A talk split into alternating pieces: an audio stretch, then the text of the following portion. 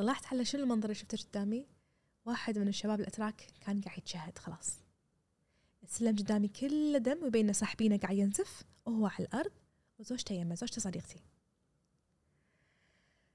فأنا طلعت على هذا المنظر. أول شيء ما شفته هو كله بس شفت إيده وشفته قاعد يتشهد. بعدين بسرعة ركضت اطل شفت وجهها بعدين شفتها هي فكنت قاعدة أفكر فيها وأفكر فيه الحين أنا مو قاعد أفكر بنفسي. شنو راح يصير الحين؟ أنا ما أدري. فانشغل بالي عليهم حيل بعدين هو تم تم تم تم تم, تشهد وخلاص. فأنا قعدت كذي وقفت قعدت أطالع المنظر وقعدت أقول أوكي شوفي هيا إذا الله شاء لك إن أنت تكونين بهذا الصدق إنه ياخذ أمانتك على هذه الحالة فأنت محظوظة. إذا الله شاء أن أنت تروحين من هذه الدنيا على هذا الوضع فأنت محظوظة. ما أقول ما مر علي بحياتي يقين في علاقتي بالله سبحانه وتعالى مثل هالثواني هذه. يعني في هذه الثواني أنا كنت قاعد أكلم الله. يعني فعليا كنت قاعد أكلم الله قاعد أقول له يا الله إذا أنا وايد صادقة إذا أنا صرت صادقة يا رب إذا أنا هذا أحسن وقت حق خاتمتي يا رب أخذني مثل ما أخذتهم بس وأنا راضية. كنت حيل راضية. كنت حيل حيل حيل راضية. مو عادي مو عادي.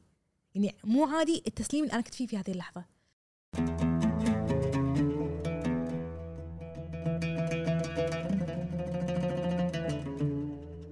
السلام عليكم. هذه الحلقة برعاية شركة حسابي. إحنا بمحفوف كان دائما عندنا تساؤل عن تمسك الناس في القضية الفلسطينية خصوصا الجيل الأصغر وإذا ما زالوا بالفعل متمسكين في هذه القضية ويؤمنون فيها. آه، ضيفتنا اليوم هي الشطي يمكن ردت أكدت لنا شلون في نماذج مناضلة ومتمسكة في هذه القضية العربية. آه، آه، هي كانت لها أكثر من رحلة إلى فلسطين. قدرت تكسر عن طريقها الحصار اللي كان موجود على الأراضي الفلسطينية. آه، هي آه، انسجنت من قبل القوات الصهيونية. آه، تعرضوا للابتزاز تعرضوا لإطلاق نار حي. فكان جميل اليوم نشوف الروحانية اللي تمتلكها هي وإصرارها على هذه القضية وتمسكها فيها. نتمنى تستمتعون بهذه الحلقة. اللي هي تقعد وتفضفض حق هذا الشخص آه. وهذا الشخص يقول لها أنا ترى مريت بنفس الشيء. وممكن لأن الشخص اللي اللي اللي يحوشه مرض السرطان وموضوع الكيمو ما اعرف إيش هذا شخص متقلب المزاج يعني. وممكن دشين عليه يضحك ممكن دش عليه معصب وما يلام يعني he's going through أشياء الله يعينه يعني. رعب رعب. فما ما عندنا هذا الشيء اللي اللي أنا ممكن أقعد يعني إذا أنا أبوي لا سمح الله فيه ولا أنا ولا زوجتي ولا أحس بأمريكا عندهم هذا ال support system اللي مم. أنت أبوك حتى أنا أبوي ترى وكذي تعاملت مع الموضوع وإن شاء الله الأمور السوشيال circles أصلا إنك تروح مكان مثلا إذا عندك أي مشكلة يقولك ترى إحنا في مثلا يسمونهم مجموعات دعم. أي. أنت تقعد مع ناس نفس مشكلتك صح. وي discuss الأشياء اللي قاعد تمر فيها وشعورك تجاه الموضوع. moreover أنت لما تيجي تتكلم عن أي شيء دائما يونك بهذه الهجمة اللي مثلا إيمانك. أيه. مثلا ما يصير تقول مثلا مثلا لو تمر مشكلة مع أبوك مثلا طبيعي أبوك يكون فيه مثلا. مو إنسان كامل أمك مو إنسانة كاملة. لو تقول مثلا إن في مشكلة عندك مع أبوك ولا مشكلة مع أمك في طبع معين شو تقول عن أبوك؟ أنت يعني كل شيء يعني لا أنا مو قاعدة أقول عن أبوي أنا قاعدة أقول إن أبوي إنسان سيء. أنا قاعدة أقول إن أبوي إنسان طبيعي. هذه طبع أنا صعب أتعامل معه. صح. أنا أمي إنسانة طبيعية. هذا الموضوع أنا يعني أواجه صعوبة إن أنا أتقبله مثلا. وهذا شيء وايد يعني أنا بالنسبة لي مثلا لما صرت أم وايد حسيت فيها. شوف رفيجاتي اللي حولي يعني خصوصا إحنا البنات يعني وضعهم مع مثلا أزواجهم مع عيالهم بالتربية وتدخل أهلهم بالموضوع كان الموضوع جدا حساس إنهم يتكلمون عن أي شيء. جدا حساس. يعني أم يعني شو أقول لك؟ يعني يمكن في أمور وايد كانت تنحل لو هي بس تحصل أحد تفضفض له ويشرح لها يعني أشياء يبسط لها الأمور بس يبسط لها مشاعرها. اللي قاعد تمر فيها بس يعني و she will go over it يعني. وشخص مار بهالتجربة يعني. بالضبط وإحنا كلنا تلقى يمكن إحنا قاعدين عشرة كلنا عندنا نفس المشكلة بس ما حد بس ما حد يقول طبعا لأن إحنا لازم نكون perfect إحنا لازم نكون خوش ناس ولازم نكون إحنا يعني و part من ال culture يعني يعلمونك من تصغي إن البيوت أسرار و... وبصراحة أنا ما أدري إذا هذا الشيء صح ولا غلط يعني يمكن صح لازم واحد ما يقول مشاكله بس بالنسبة لي أنا أريح إن الواحد يكون في أشياء صح إي بس في أشياء لا يعني في أشياء اللي قد تضر العائلة لما تتكلم فيها بال long term مثلا. في أشياء مثلا خصوصيات ناس غير غير غيرك يعني ما تقدر تشاركها مع أحد. بس في أشياء وايد لا. يعني مثلا أبسط مثال تو قاعد عن ال cancer أنا أعرف مثلا عائلة إذا أحد فيهم صار فيه cancer ما يكون حق أحد. أنا نفس الشيء. ما يكون حق أحد. نفس. الشيء. فأنا أستنكر يعني ليش؟ هذا ابتلاء من الله وقدر. لا لأن ليش؟ بعدين ما يتزوجون بناتنا يخافون إنه يورثهم ال cancer. مم. أنت أم عزام شوفي المسمى يعني إنه إحنا ما ما نسميه سرطان نسميه شين ولا نسميه اي اي اي اي انه يعني منتحاشه إن نقول اسمه أصلا. مم، مم، مم. فما أدري شيء غريب. أنا أنا ترى إحنا طبيعة آه، سوالفنا عادة كذي يعني آه، آه ما أدري إيش قاعد تسوون إحنا إحنا إحنا إيه إحنا إحنا قاعد فاول شيء مسي عليك بالخير. آه، مش مشكور على تلبيتك الدعوة. شرفت مشكور على وقتك. إحنا قررنا اليوم يمكن أفضل بداية تكون بعلاقتك مع فلسطين. لوين ترجع؟ أنا ما أدري. يعني راح أكون مو صادقة إذا أنا قلت أنا أدري من وين. بس أنا أحس هي مجموعة أشياء يعني تكونت أكيد من- من الطفولة. أنا قدر الله يعني دراسه والدي ووالدتي بامريكا فانولدت هناك. فعشت بداية حياتي وأنا أشوف العالم عالم طبيعي. اي ولايه. أنا دائما احد يقول لي أمريكا. آه ويسكونسن الشمال of. إيه. okay. آه ف يعني فتحت عيني على الدنيا أشوف الناس كلها يعني أعراق مختلفة أديان مختلفة ألوان مختلفة وهذا اللي أنا أعرفه من هذا أعرف هذا العالم اللي أنا أعرفه. فلما انتقلت جيت عشت بالكويت بعد يعني كنت صغيرة خمس سنين يعني. بس أقول لهم من ذاك الوقت لليوم معي culture shock آه. من ذاك الوقت اليوم أنا عندي معاناة وأنا أحمد ربي إن الله يعني أعطاني هذه المعاناة الجميلة إني أنا أتقبل الأشياء اللي ما تدش المخ أو الأشياء اللي ما أقدر أستوعبها بالمجتمع بالذات يعني. وأنا أعتقد إن هذا شيء جيد إنه هو يكون تصحيح حق مفاهيم الإنسان اللي توارثها بحياته يعني. فمن هالأمور كان قضية فلسطين. يعني بالنسبة لي الأمر وايد واضح المعالم الحق فيه والظلم فيه والصح من الغلط يعني. الموضوع ما بالنسبة لي ما يختلف فيه إنسان عاقل مع إنسان عاقل آخر يعني. إلا إذا كان هو مغيب عن المعلومات الحقيقية اللي فيه. فلذلك أنا حسيت انه يعني من الطبيعي إني أنا أوقف مع أصحاب حق. آه وأظن أكثر شيء خلاني أوقف بقوة آه هو مروري بتجربة الغزو العراقي. يعني أنا كان عمري تسع سنين وقتها وابوي كان مع المقاومة خالي كان أسير عمي كان أسير فكانت قدام بيتنا بالضبط كان في تجمع حق الجيش العراقي البيت اللي مجابلنا بالضبط فكنت أطلع وادخل بوجه الجنود العراقيين. فشفت الظلم بعيني وحسيت بالخوف وأنا واعية. يعني أنا على صغر سني كنت وايد واعية. يعني بالنسبة حق طفلة كنت وايد وايد مركزة بالحياة يعني تفاصيل الحياة يعني. فشفت الخوف بعين أهلي بعين أمي عشتها عشتها لما أحد يك- يكلمني على الغزو أنا ما أعتبر نفسي طفلة بذاك الوقت يعني. فأنا ما رضيت على نفسي ما رضيت على عائلتي ما رضيت على الناس اللي أحبهم ما رضيت على أرضي ولا على وطني. شيء طبيعي لما أدري إن في شخص قاعد يعاني نفس معاناتي يموت تسع شهور تسع شهور عشرات السنين شيء طبيعي. إذا أنا إنسانة سوية راح راح أشتعل من الداخل يعني. هذا اللي صار معي يعني. معزام إحنا يمكن أنا عن نفسي جيل بعد الغزو. فما ما مريت بهال بهالفترة هذه تحسين أكثر الناس يعني انت خذيتيها من الجانب الزين أنا أنا شخص مريت بظلم ومعاناة وناس دشوا علينا ببلدنا فأنا أتعاطف مع أي شخص يمر تحت هذه الظروف. في وايد ناس خذوها من منحنى ثاني انه إذا تسمح لي بس اضيف شغلة على هالنقطه اتذكر أول مرة دخلت غزة لما طلعت كلمت امي بالتليفون قلت لها يمه والله لو إني أشوف المسلمين يسوون كذي باليهود؟ لوقفت مع اليهود ضد المسلمين. من حجم الظلم اللي شفته. لها يعني قضية مو مو بس هم يعني الدين مهم بس مو بس هذه القضية الأولى والأخيرة. أنا فعليا شفت شيء يعني ما ينوصف.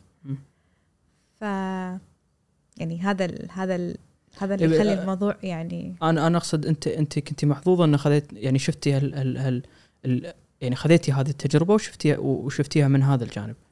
بس وايد ناس وصححيني إذا أنا غلطان بصراحة ما أدري بس وايد ناس خذوها من جانب إنه الجالية الفلسطينية كان كانت متعاونة. هذا اللي نسمعه إحنا إحنا ما مرينا بذيك الأيام بصراحه بس هذا يعني هذا الشيء حسيتي ما أثر عليك انه صار يعني خصوصا الناس حزتها كانوا وايد عاطفيين يمكن اليوم أقل بس شافوا إنه لا والله كان على كلامهم كان هذا كان موقفهم سيء. فإحنا ما ما مو- ما بقول ما بنتعاطف ولكن ما راح نكون مناصرين للقضيه الفلسطينيه مثل ما كنا أول.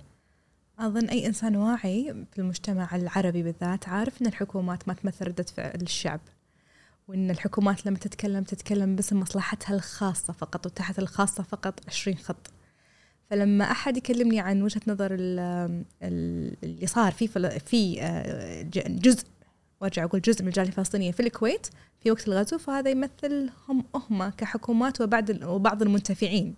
يعني آه هذا شيء ما له علاقة بالشعب الفلسطيني هذا شيء. الشيء الثاني الفلسطينيين اللي قاعد يقاومون داخل فلسطين أو اللي قاعدين داخل غزة هذول الناس بحياتهم ما طلعوا منها.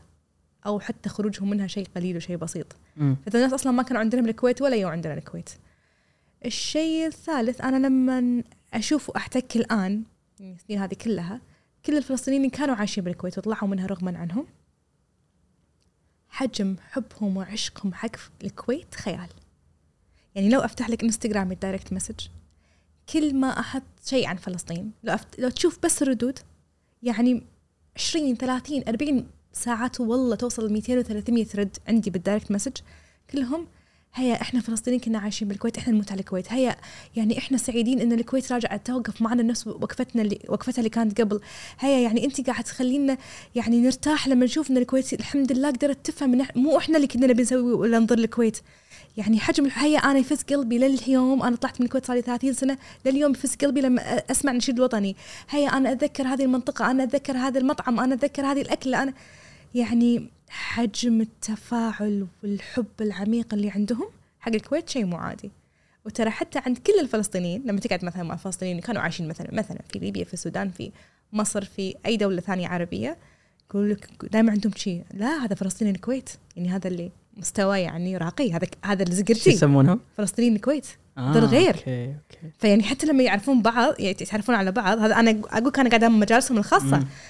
آه أنت كنت فلس... انت من فلسطين الكويت يعني هذا يعني يعني بعين الفلسطيني فلسطيني الكويت هو مستوى يعني يعني كبير يعني مو شيء عادي مو إنسان عادي فأنا بس ليش؟ لأن الكويت يعني كانت موفرة تدريس و طبعا الكويت كانت كانوا مثقفين اللي قعدوا بال... بال... يعني كان الفلسطينيين من أصل مثقفين وإحنا حتى لما يو الكويت في البدايات هم فيهم حتى عوائل عوائل تجنست. طبعا كانوا بسلكين التعليم والطب.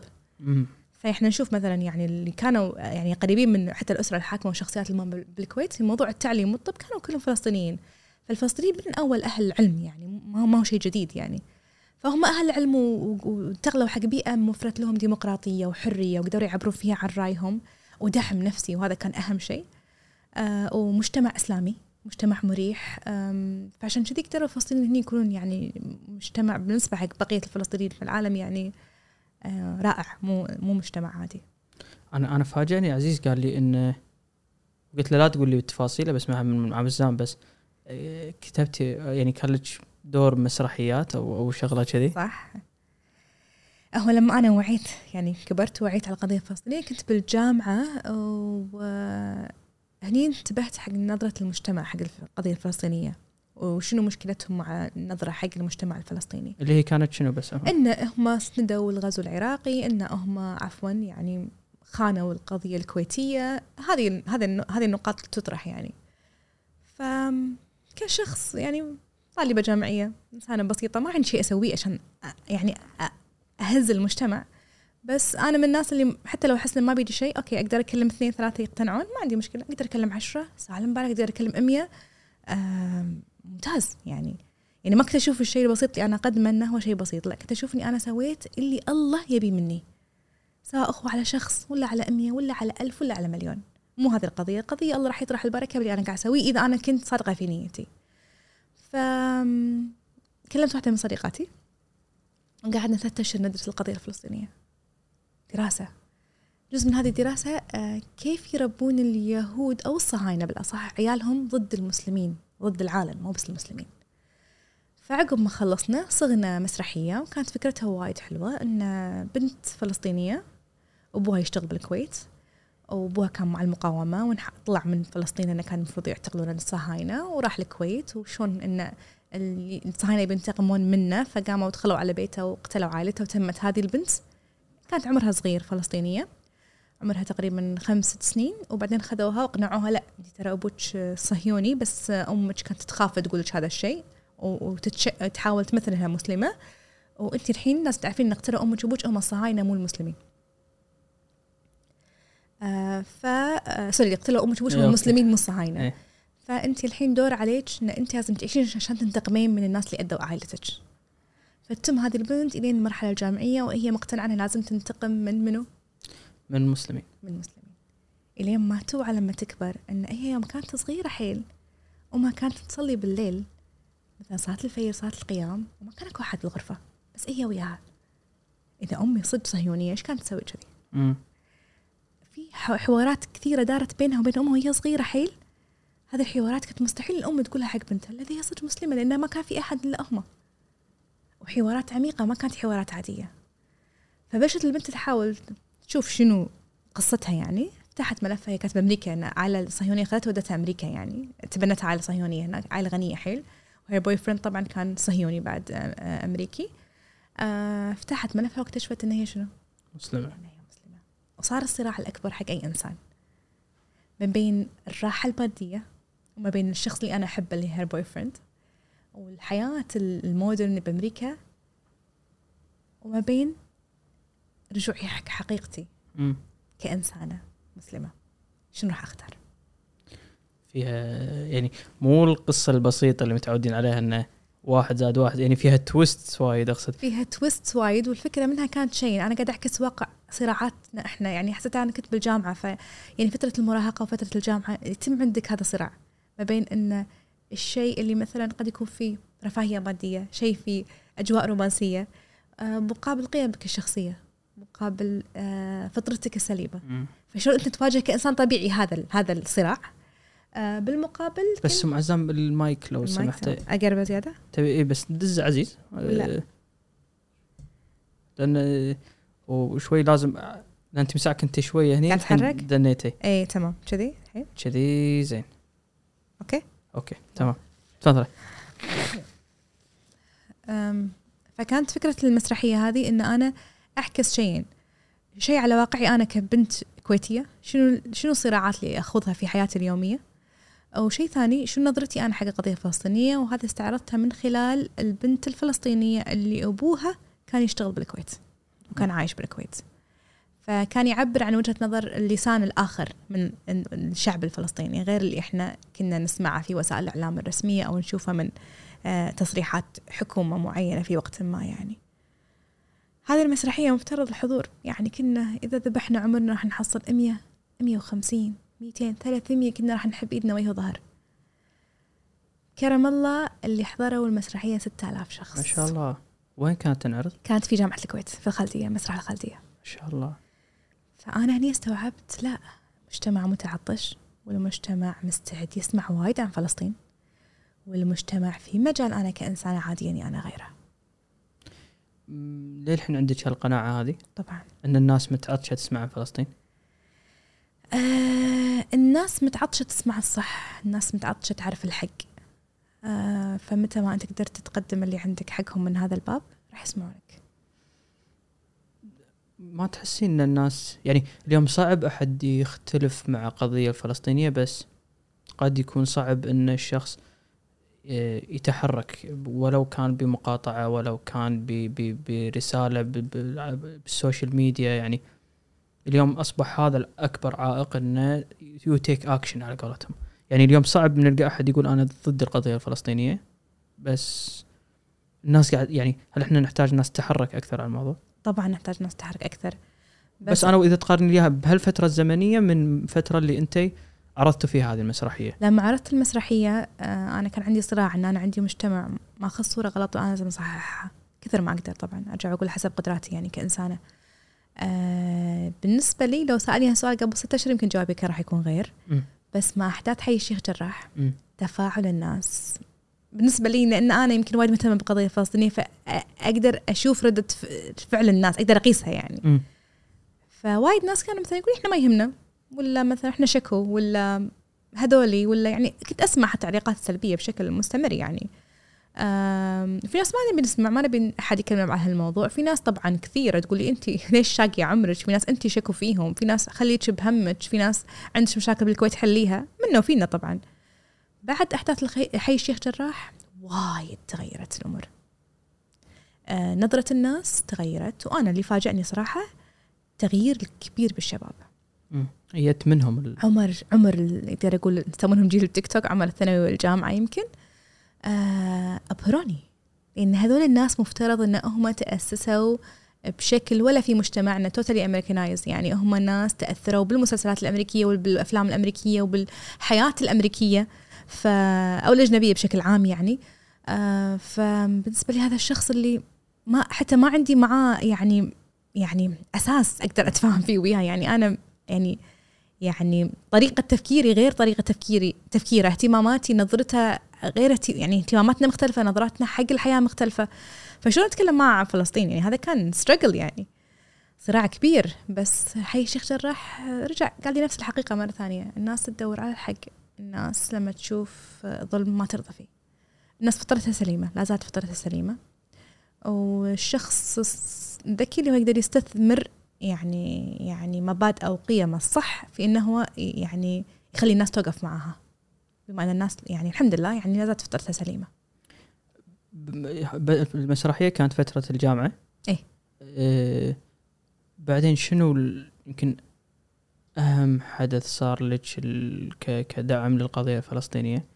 بعدين اشتغلت سنين على موضوع التوعية مو بس على فلسطين. يعني أنا كان عندي مشكلة أن إن الشباب عندنا في حالة توهان كبير بالاهتمامات بالنظرة حق الحياة. فأسست شيء اسمه فريق وصال وكانوا خمسين بنت واشتغلت معاهم ثمان سنين. وكانوا هم على قولتهم my little baby. يعني كنت أشتغل قطاع خاص حزتها أرجع من دوامي أربعة خمس آه، ما عندي لهم هالبنات خمسين بنت. بس كنت مجابلتهم جابل كامل يعني. طلعات weekend أخذهم مثلا معي نروح شاليه مثلا مزرعة سفر أروح لهم اجتماع اولياء أمور. أهلهم كانوا مسلميني أمورهم بالكامل يعني. آه، وكل شيء مثلا حتى لدرجه وصلوا معي مرحلة الأهل انه إذا يبون عيالهم يسوون شيء إيه، استأذنوا هيا. يعني لا لا تدقون علي. آه، تطلعوا مكان مع هيا توديكم. آه، كل شيء صار هيا يعني. هذول البنات آه، كنت شغالة على موضوع التوعية. يعني أنا ما كان عندي مثلا ذاك العلم ولا ذاك الثقافة الكبيرة لكن كنا نقعد مع بعض ذاك الوقت نسوي ريسيرش ونقرأ كتب ونتناقش بقضايا. آه، كنا نسوي أشياء حتى ساعات ناس تعتبرها غريبة. مثلا مرة أخذتهم رحنا الكنيسة بالكويت. قعدنا مع البابا مال الكنيسة. آه، حوار من ثلاث ساعات عن الإسلام والمسيحية.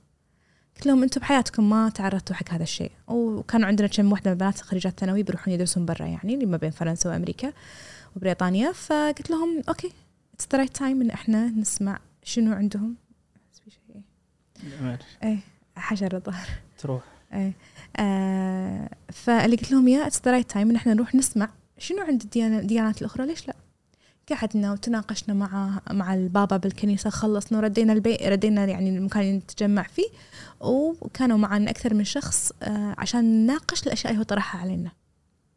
الاشياء اللي مثلا يعني حسسنا فيها إن الدين الإسلامي مو سليم. آه فكنا نروح نقابل شخصيات وزراء. كل مرة يعني كل فترة يكون عندنا ثيم معين نشتغل عليه بحيث إن إحنا نطور من مهاراتنا في الوعي. شلون شلون الإنسان يكون هو يعني يعني سبورت حق نفسه في الوعي. يعني أنا ما أنتظر أحد يوعيني ما أنتظر أحد يفهمني. فاشتغلت عليه ما أدري فترة كان ثمان سنين. بس عفوا قبل لا بس مساء قلتي نقطة اللي هي موضوع إن آه، الدين الإسلام مو صحيح أو شغلة ما أدري. اي اي هو يعني بابا لما قعد معنا كان يقول لنا إنه يعني في أشياء بالمسيحية مثلا أفضل من الدين الإسلامي في أشياء بالمسيحية يعني أرقى من الدين الإسلامي بشكل غير مباشر يعني. فهذه النقاط كان شيء طبيعي. أي إنسان راح يفتح النت في يوم. طبعا أيامها ما كان في نت يعني أنا قاعد أتكلم عن آه، التسعينات أوائل الألفينات فما كان في ذاك يعني ال- ال access حق جوجل ولا حق هالأشياء هذه. فما كان عندنا يعني للحين هم يعني ما كان عندهم هذه الصورة المتسعة من الحياة يقدرون يشوفون كل شيء. لكن أنا كنت قاعد أهيئهم حقها لأن كنت أشوف إنها شيء جاي. ف... فكانوا فكنا يعني نقاش معه كان على هالموضوع الدين والإسلام إحنا خط والمسيحية. خط أحمر عندنا بالكويت هذا. طبعا طبعا وأنا حتى لما قبل لا أطلع معهم هذه الرحلة نزلت أوراق حق الأهالي وبلغتهم شنو راح أسوي وتوقيع بموافقة أو الرفض يعني أنا ما أقدر أدخل يعني يعني شابة معي هذا المكان وبعدين يصير في مشكلة واهلها يعني يتضايقون وتصير مشكلة كبيرة يعني. فاستغربت إن الأغلب وافق. أنا توقعت يطلعون معي ستة سبعة إحنا يمكن طلعنا شيء ثلاثين يعني بنت حق الرحلة هذه. أنا بصراحة وايد تهمني هالنقطة هذه يعني شلون يوم طلعوا اول أول ما طلعوا خلصوا هذا الحوار. ويمكن هم أول مرة يقعدون مع شخص آه، يحاورهم دينهم. إحنا متعودين انه من من أهلنا من الناس اللي حوالينا بالمدرسة أهم شيء إنه آه، الدين الإسلامي دين كامل مستحيل إي أحد هي تشالنجز على على على عفوا إحنا مو متعودين الدين الإسلامي دين كامل. إحنا متعودين إن الدين الإسلامي يعني شيء لازم ما يناقش. هذا مو سليم. يعني إذا نبي نبي مثل سيدنا إبراهيم قال أولم تؤمن؟ قال بلى ولكن ليطمئن قلبي. نبي. فشيء طبيعي الإنسان يعني الإنسان الطبيعي لازم مخه مثلا يسأل يحاور آه، يستنكر يفكر. هذا الطبيعي فإذا أنا جيت وألغيت هذه هذه الفطرة عند الإنسان إيش قاعد أسوي فيه؟ أما إني قاعد أخلق روبوت يعني حتى أتذكر كنت أقول لهم أنا أرفض فكرة إن إحنا مسلمين بالجنسية وبالجواز. مو هذه الفكرة. الفكرة أنا ان إيماني ليش داخل قلبي صدق؟ إن أنا أقدر أعيش فيه إن أنا أقدر أحس فيه إني أنا أقدر أتفاعل معه أقدر أطبقه في حياتي. فالإسلام هذا اللي اللي قاعد يعلمونا إياه قبل كان غلط. أنا أنا أعتقد إن أنا نفذت بجلدي من هذه الفقرة لأني أنا عشت في أمريكا في بداية حياتي أرجع أقول. فأمي كانت من باب إن إحنا مضطرة إنها توعينا لأن إحنا كنا نتعامل مع كافة الديانات هناك انه شنو الفرق بين المسلم والمسيحي. فهذه الحوارات كانت يعني تفتح معنا وأنا عمري أربع وخمس سنوات. فما كان عندي هي خط أحمر ابدا. فلما رجعت هني هذا جزء من الأشياء اللي كانت تضايقني ليش ما نتناقش بالدين؟ ممنوع بالكويت صح. ليش ما نسولف بالدين؟ ليش ما تجاوبون على أسئلتنا بالدين؟ شو المشكلة؟ أبوي ما يقدر يجاوبني عادي. في شيخ يقدر يقعد معي ويجاوبني على الأسئلة. أمي ما تعرف المعلومة طبيعي. في مثلا إنسان متبحر في هذا العلم في الدين يقدر يجاوبني عليه شو المشكلة؟ ليش الدين ما يقدر يكون هو مادة يومية أنا قاعد أعيشها هو هو حياة كاملة أنا قاعد أعيشها ليش أنا ما أقدر يعني أتفاعل معاه كبشر طبيعي أسأل وأشك وأفكر ليش؟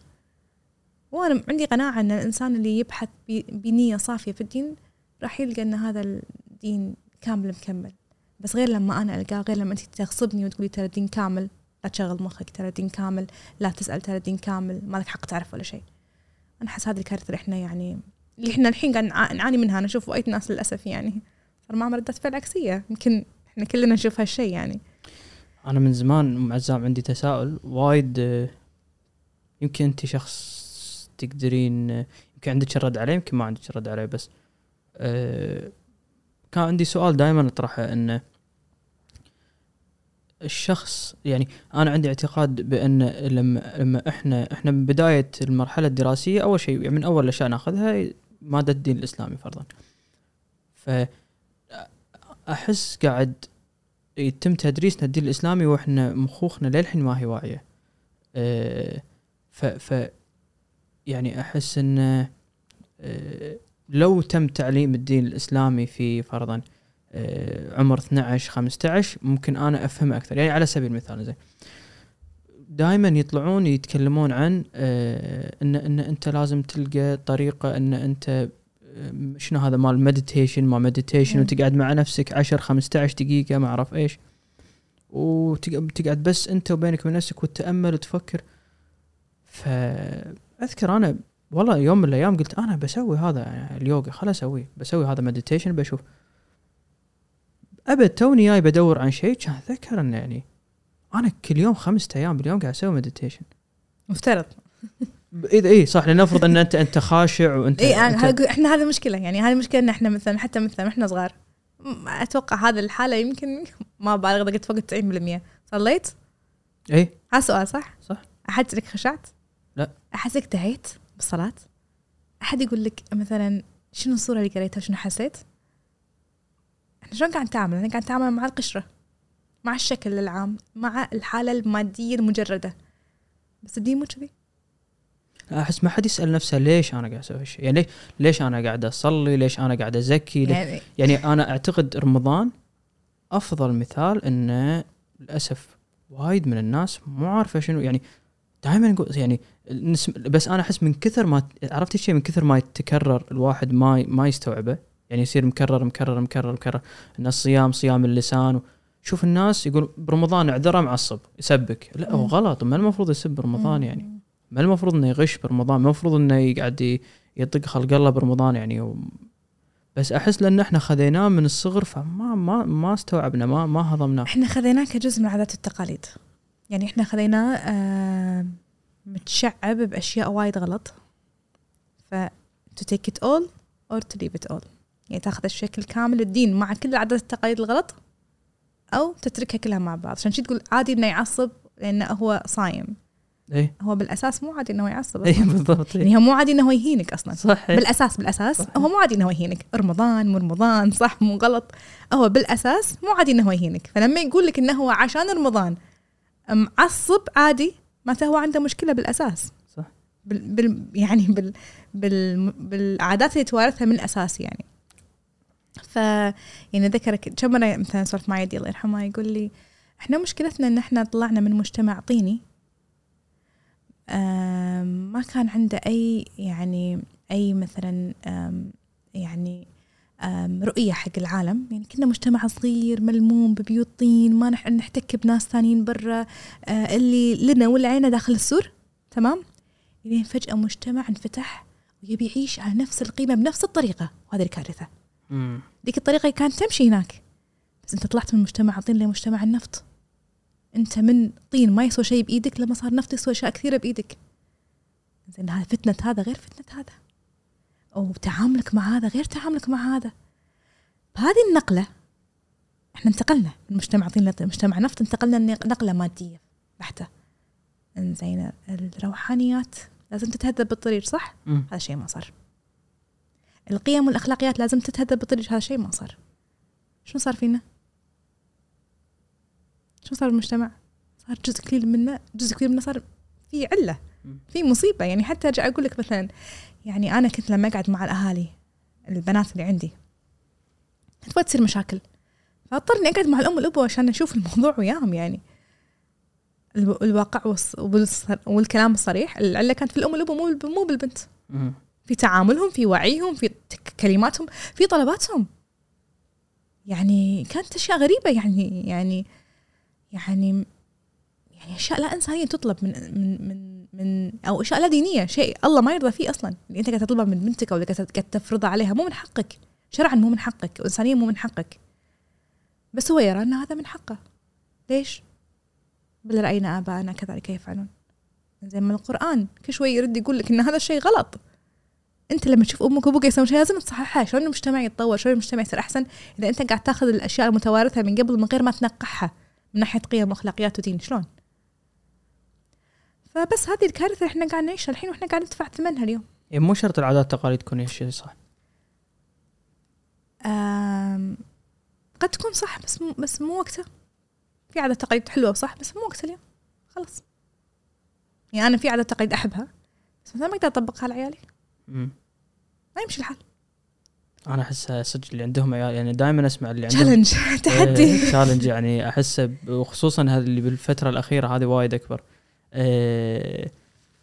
فكان معك مجموعة البنات. بس شنو شنو كان الهدف؟ يعني آه، هل في project معين تبين تكملينه معاهم ولا؟ كنا نشتغل على المواد الإعلامية نسويها نشتغل تعلق بفلسطين عفوا ولا لا لا لا. بشكل عام. كلش بشكل عام يعني. كانت أرجع أقول كان الوعي عندي عندنا بالمجتمع وايد منخفض. يعني شنو كانت اهتماماتنا؟ يعني مسلسلات آه، مسلسلات الكويتية تخيل. هذا كان مم. يعني قصة الاهتمامات. آه، طلعت حدثها ام بي سي ما ام بي سي. يعني اهتمامات مادية بحتة الروح خواء من داخل. الإنسان يصير فاضي من داخل يتعب يتعب. يعني ما خلق الإنسان لهذا يعني. فكنت أنا هذه قاعدة أحاول أعبي من داخل أحط بنزين. عشان الإنسان يمشي بطريقة سليمة ويعيش يقدر يعيش بطريقة سليمة من طويلة يعني. وتحسين كان يعني يسد رغبة عندك أو أو أنت كنت تحسين بهالطريقة أنا ممكن إن يعني ها- تحسين هذا الفراغ اللي كان موجود فانت تحاتين هالفراغ فبهالطريقة اللي أنا اقعد فيها مع الخمسين طالبة هذه أنا أريح مخي إن أنا قاعد أسوي اللي علي و- إيه. وأعيش بسلام مع نفسي. إيه أحس اني كنت قاعدة أبذل سبب إني أنا أسوي شيء صح لأن أنا حسيت إن الحمد لله يعني آه، يعني أهلي وايد وايد عبوا عندي هذا الفراغ وأنا صغيرة وحسيت بقيمته وأنا قاعدة أكبر. يعني مثلا أبسط مثال أنا تزوجت عمري 29 سنة. شنو يعني مجتمعنا تزوجين عمرك 29 سنة؟ انتي عانس صح؟ مم. زين. أنا ما كان عندي هالشعور. أنا ما كان عندي هالشعور ابدا. وكنت عايشة حياتي وشاقع طريق دربي وأشتغل بشركة استثمار.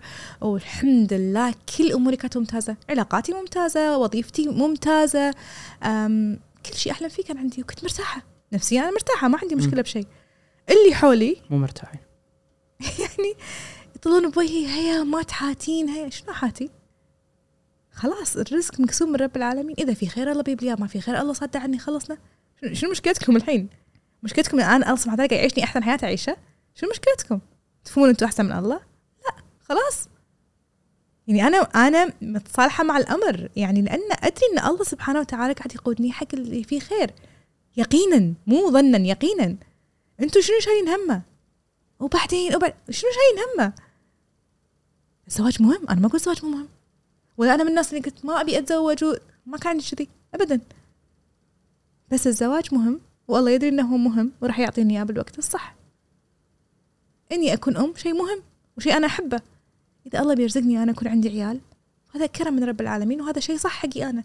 إذا شيء فيه سوء الله راح يمنعني عنه. الموضوع يعني باختصار كذي. المجتمع ما يشوفه كذي ابدا. وعزام من ساعه قلتي؟ كلمة؟ أنا الش- الأسبوع اللي فات كنت قاعد مع شخص وسالته عن شخص ثالث. أنا ما أعرف هذا الشخص الثالث بس سألته عنه آه، نوعا ما معروف شوية. قال لي يا أخي هالريال وما أعرف إيش والنعم فيه. وقال لي كلمة أنا أسمعها من أول بس ما أدري ليش يوم هو قالها رنت. رنت. ومن من يومها للحين هي رن اللي قال لي تصدق يا أخي هذا الشخص متصالح مع نفسه. ومن يعني هالحكي صار له بالضبط عشرة أيام. ومن يومها وأنا أفكر بهذه الكلمة. شنو يعني إنه يكون الشخص متصالح مع نفسه؟ إحنا اليوم وايد نكتب ونتكلم عن السعادة والسعادة والمتعة والجمال وال... بس ما نتكلم عن الرضا. التصالح هو الرضا. يعني أنت شلون تشوف آه الله سبحانه وتعالى قاعد يقود حياتك؟ يعني إنسان مهما كان لازم يرجع قوة. يعني إحنا صغار أتذكر امي كانت تسوي لنا هالشيء تقول لنا شفتوا Spider-Man Superman إحنا على أيام تونا مفتحين عيننا كنا نشوفهم كشخصيات عظيمة يعني. امي تقول لنا ماما هم ما عندهم قوة. فلازم يسوون لهم نماذج قوة. هم ما عندهم الله. فلازم يسوون لهم سوبر الله. حتى لو يكون هذا سوبر الله سوبرمان. حتى يكون السوبر الله هذا باتمان. حتى يكون سوبر الله سبايدر مان هم هم محتاجين. إحنا ما محتاجين. إحنا عندنا قوة. فهذه الأشياء البسيطة اللي تحسس فيها تحس معاها إن أنت عندك قوة تركن لها ترضى فيها. ترضى بغض النظر شنو انت قاعد تعيش. يعني أشوف الدراجة إذا تعرف اللي كان يعني هو يسوق قواري عبد العزيز المذكور. إيه. وصار له حادث. صح. أتابعه أشوف فيديوهاته واطالع أقول يا رب يعني أنا ما أقدر إني أنا أعيش وضعه. يعني وضعه صعب. رغم ذلك لما أشوفه شلون يبتسم وهو قاعد يسوي التمارين وشلون يغطي هالشيء بالإنستغرام. وشلون روحه الجميلة.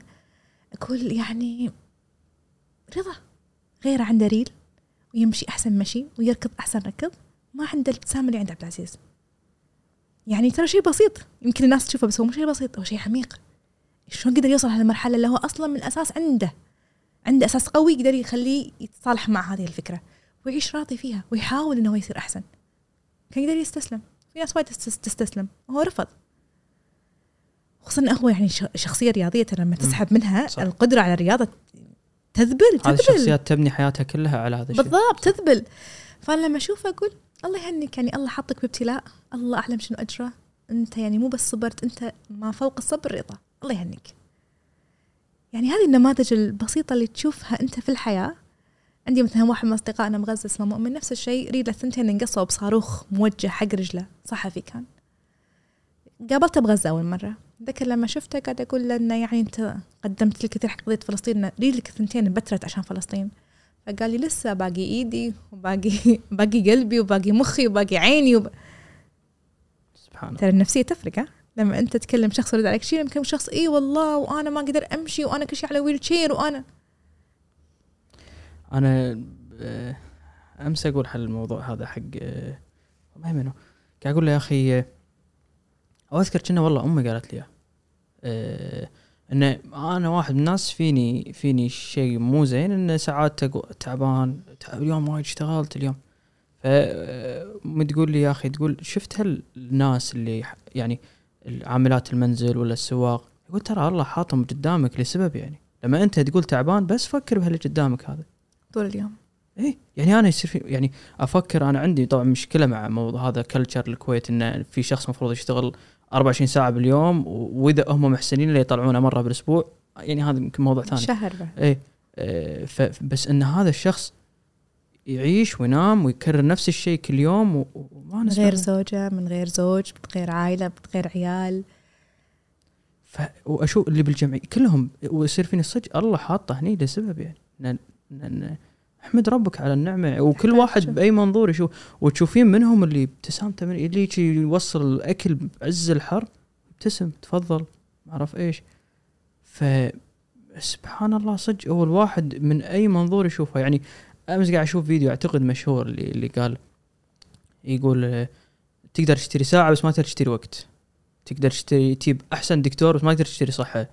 أه تقدر يعني بالإنجليزي you can buy house بس يو كانت باي هوم ان بيتك هذا؟ أي مكان كنت فيه مرتاح.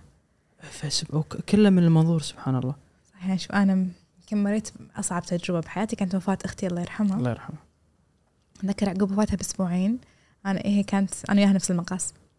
فكبتنا كان مشترك. فلما توفت الله يرحمها اجتهدوا عائلتنا الكريمة راحوا سحبوا اللي بالكبت كله وتبرعوا فيه. مم.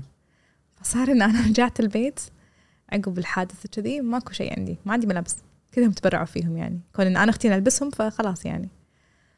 فبعد أسبوعين من وفاتها الله يرحمها جتني أمي كانت تقول لي امشي نطلع راح نطلع كلنا كعائلة تريق برا. تخيل أسبوعين من الوفاه مم. شكرا يما صدق. يعني فينا أصلا يشتهي ياكل. يعني كان أصلاً عفوا موت مفاجئ يعني مفاجأة حادث سيارة أمي تعبت وأخوي دخل أمي دخلت عناية مركزة أخوي دخل كانت معاه ضربة براس أخوي الصغير كان وياهم بعد. وكان الموضوع مفاجئ و يعني بالذات هذه الله يرحمها ويغفر لها كانت وايد روح حق البيت. يعني ما شاء الله تعرف الانسانه طول الوقت مستانسة وتضحك ونيسة و... وتحب الوناسه والطرب وال... والطلعة والمناسبات والناس واليمعة. ما شاء الله روح روح ما شاء الله يعني. فذكر إن أنا حتى لما كنت أتخيل إن أي أحد من عائلتي يتوفى كنت كان يطري على بالي ساعات بروحي يعني أفلم يعني بالفراش وأنا نايمة. فلان أبوي أخوي ما منو بس لما أي عندها هي ما أقدر أتخيل ما أقدر أتخيل خيال ما أقدر أتخيل. وأبكي طبعا يعني فتخيل مثلا أخوي توفى وأقعد أبكي بروحي يعني يعني أعرف ساعات الواحد يعني تجيله الأفكار هذه. هي الوحيدة ما أقدر أتخيلها. فوفاتها كانت شلعة قلب لي يعني مو عادية. ف ولا حق ولا حق حق كل عائلتنا يعني. فأمي كانت تقول لي راح نطلع كلنا نتريق برا. قلت لها ليش؟ كانت تقول لي شوفي الله سبحانه وتعالى شاء ياخذ روحها هي. انتهت حياتها يا بنتي. والله شاء بنفس الوقت الله يكمل بحياتك. الرضا وين يكون؟ وين ما تقولين آه أنا راضية وتقولين تبكين وتصرخين لا مو هذا الرضا يا بنتي الرضا انك ترجعين تمارسين حياتك بشكل طبيعي هذا الرضا الحقيقي الله يبينا نعيش قلت لها والناس؟ قالت لي الناس ما تبينا نعيش. الناس اللي حتشوفنا طالعين عقب أسبوعين من وفاة بنتنا بحادث سياره بشكل مفاجئ بمطعم كعائلة كلنا قاعد ناكل إيش راح تسوي؟ إيش راح تقول؟ بس انت شنو همك؟ همك الله سبحانه وتعالى صح؟ أنا ما أبي أشوفكم كلكم تموتون قدام عيني. اخذتكم الله قدر الله وشاء أن الله يأخذها. أنتم أبيكم تعيشون وتكملون حياتكم أنتم بسعادة. وهذا راح يونس أختكم بعد. كل واحد يقوم بدل ما يلا إحنا كلنا طالعين مع بعض. راح تطلعين ونطلع هناك راح تروحين تشتري لك هدوم بعد. أنا أعتقد إن هذا أعظم درس أنا تلقيته في حياتي. ساعدك وايد. وايد. لأنه يعني أنا ما تلقيته من من شيخ دين ولا من واعظ ولا من فقيه. أنا تلقيته من أم مكلومة بنتها توفت بحادث سيارة وهي لازقه فيها كانت قاعدة يمها. وكان آخر حوار بين أختي الله يرحمها وأمي كانت فاتحة قلب تقول حق أمي بس نوقف عند إشارة مشتهية أشوفها عليك بلبسه اشياء بايدي هذا كان آخر كلمة أختي الله يرحمها تقول حق أمي. فأنا تلقيت هذا الكلام من هذه الإنسانة هي أمي اللي اللي اللي صار لها هذا الموقف كامل. نفس الموقف الشخص اللي دعمهم وكان غلطان بالدعم كان تقصير منه هو الحادث. لما يا يبوس راس أمي مكان الحادث. يوم أمي استخبرته يبوس ريلها قال لها سامحيني يا خالتي سامحيني. استوعبت أمي إن أختي توفت من طريقة تعامله معها. كان تقول لك كل مسام مكتوب له يوم أروح أنا مسامحتك سبحان الله. بس شو تحسين اللي وصل الوالدة لهذه مرحله من الإيمان من ترى يعني- أمي مو إنسانة يعني فقيهة بالدين نهائيا ولا إنسانة مثلا من الناس اللي دائما تروح دروس ابدا. أمي إنسانة يعني يعني إنسانة جدا طبيعية. اهتماماتها الديكور wallpaper والوان ويعني يعني أم، وتحب الناس البسيطين تحب تساعدهم.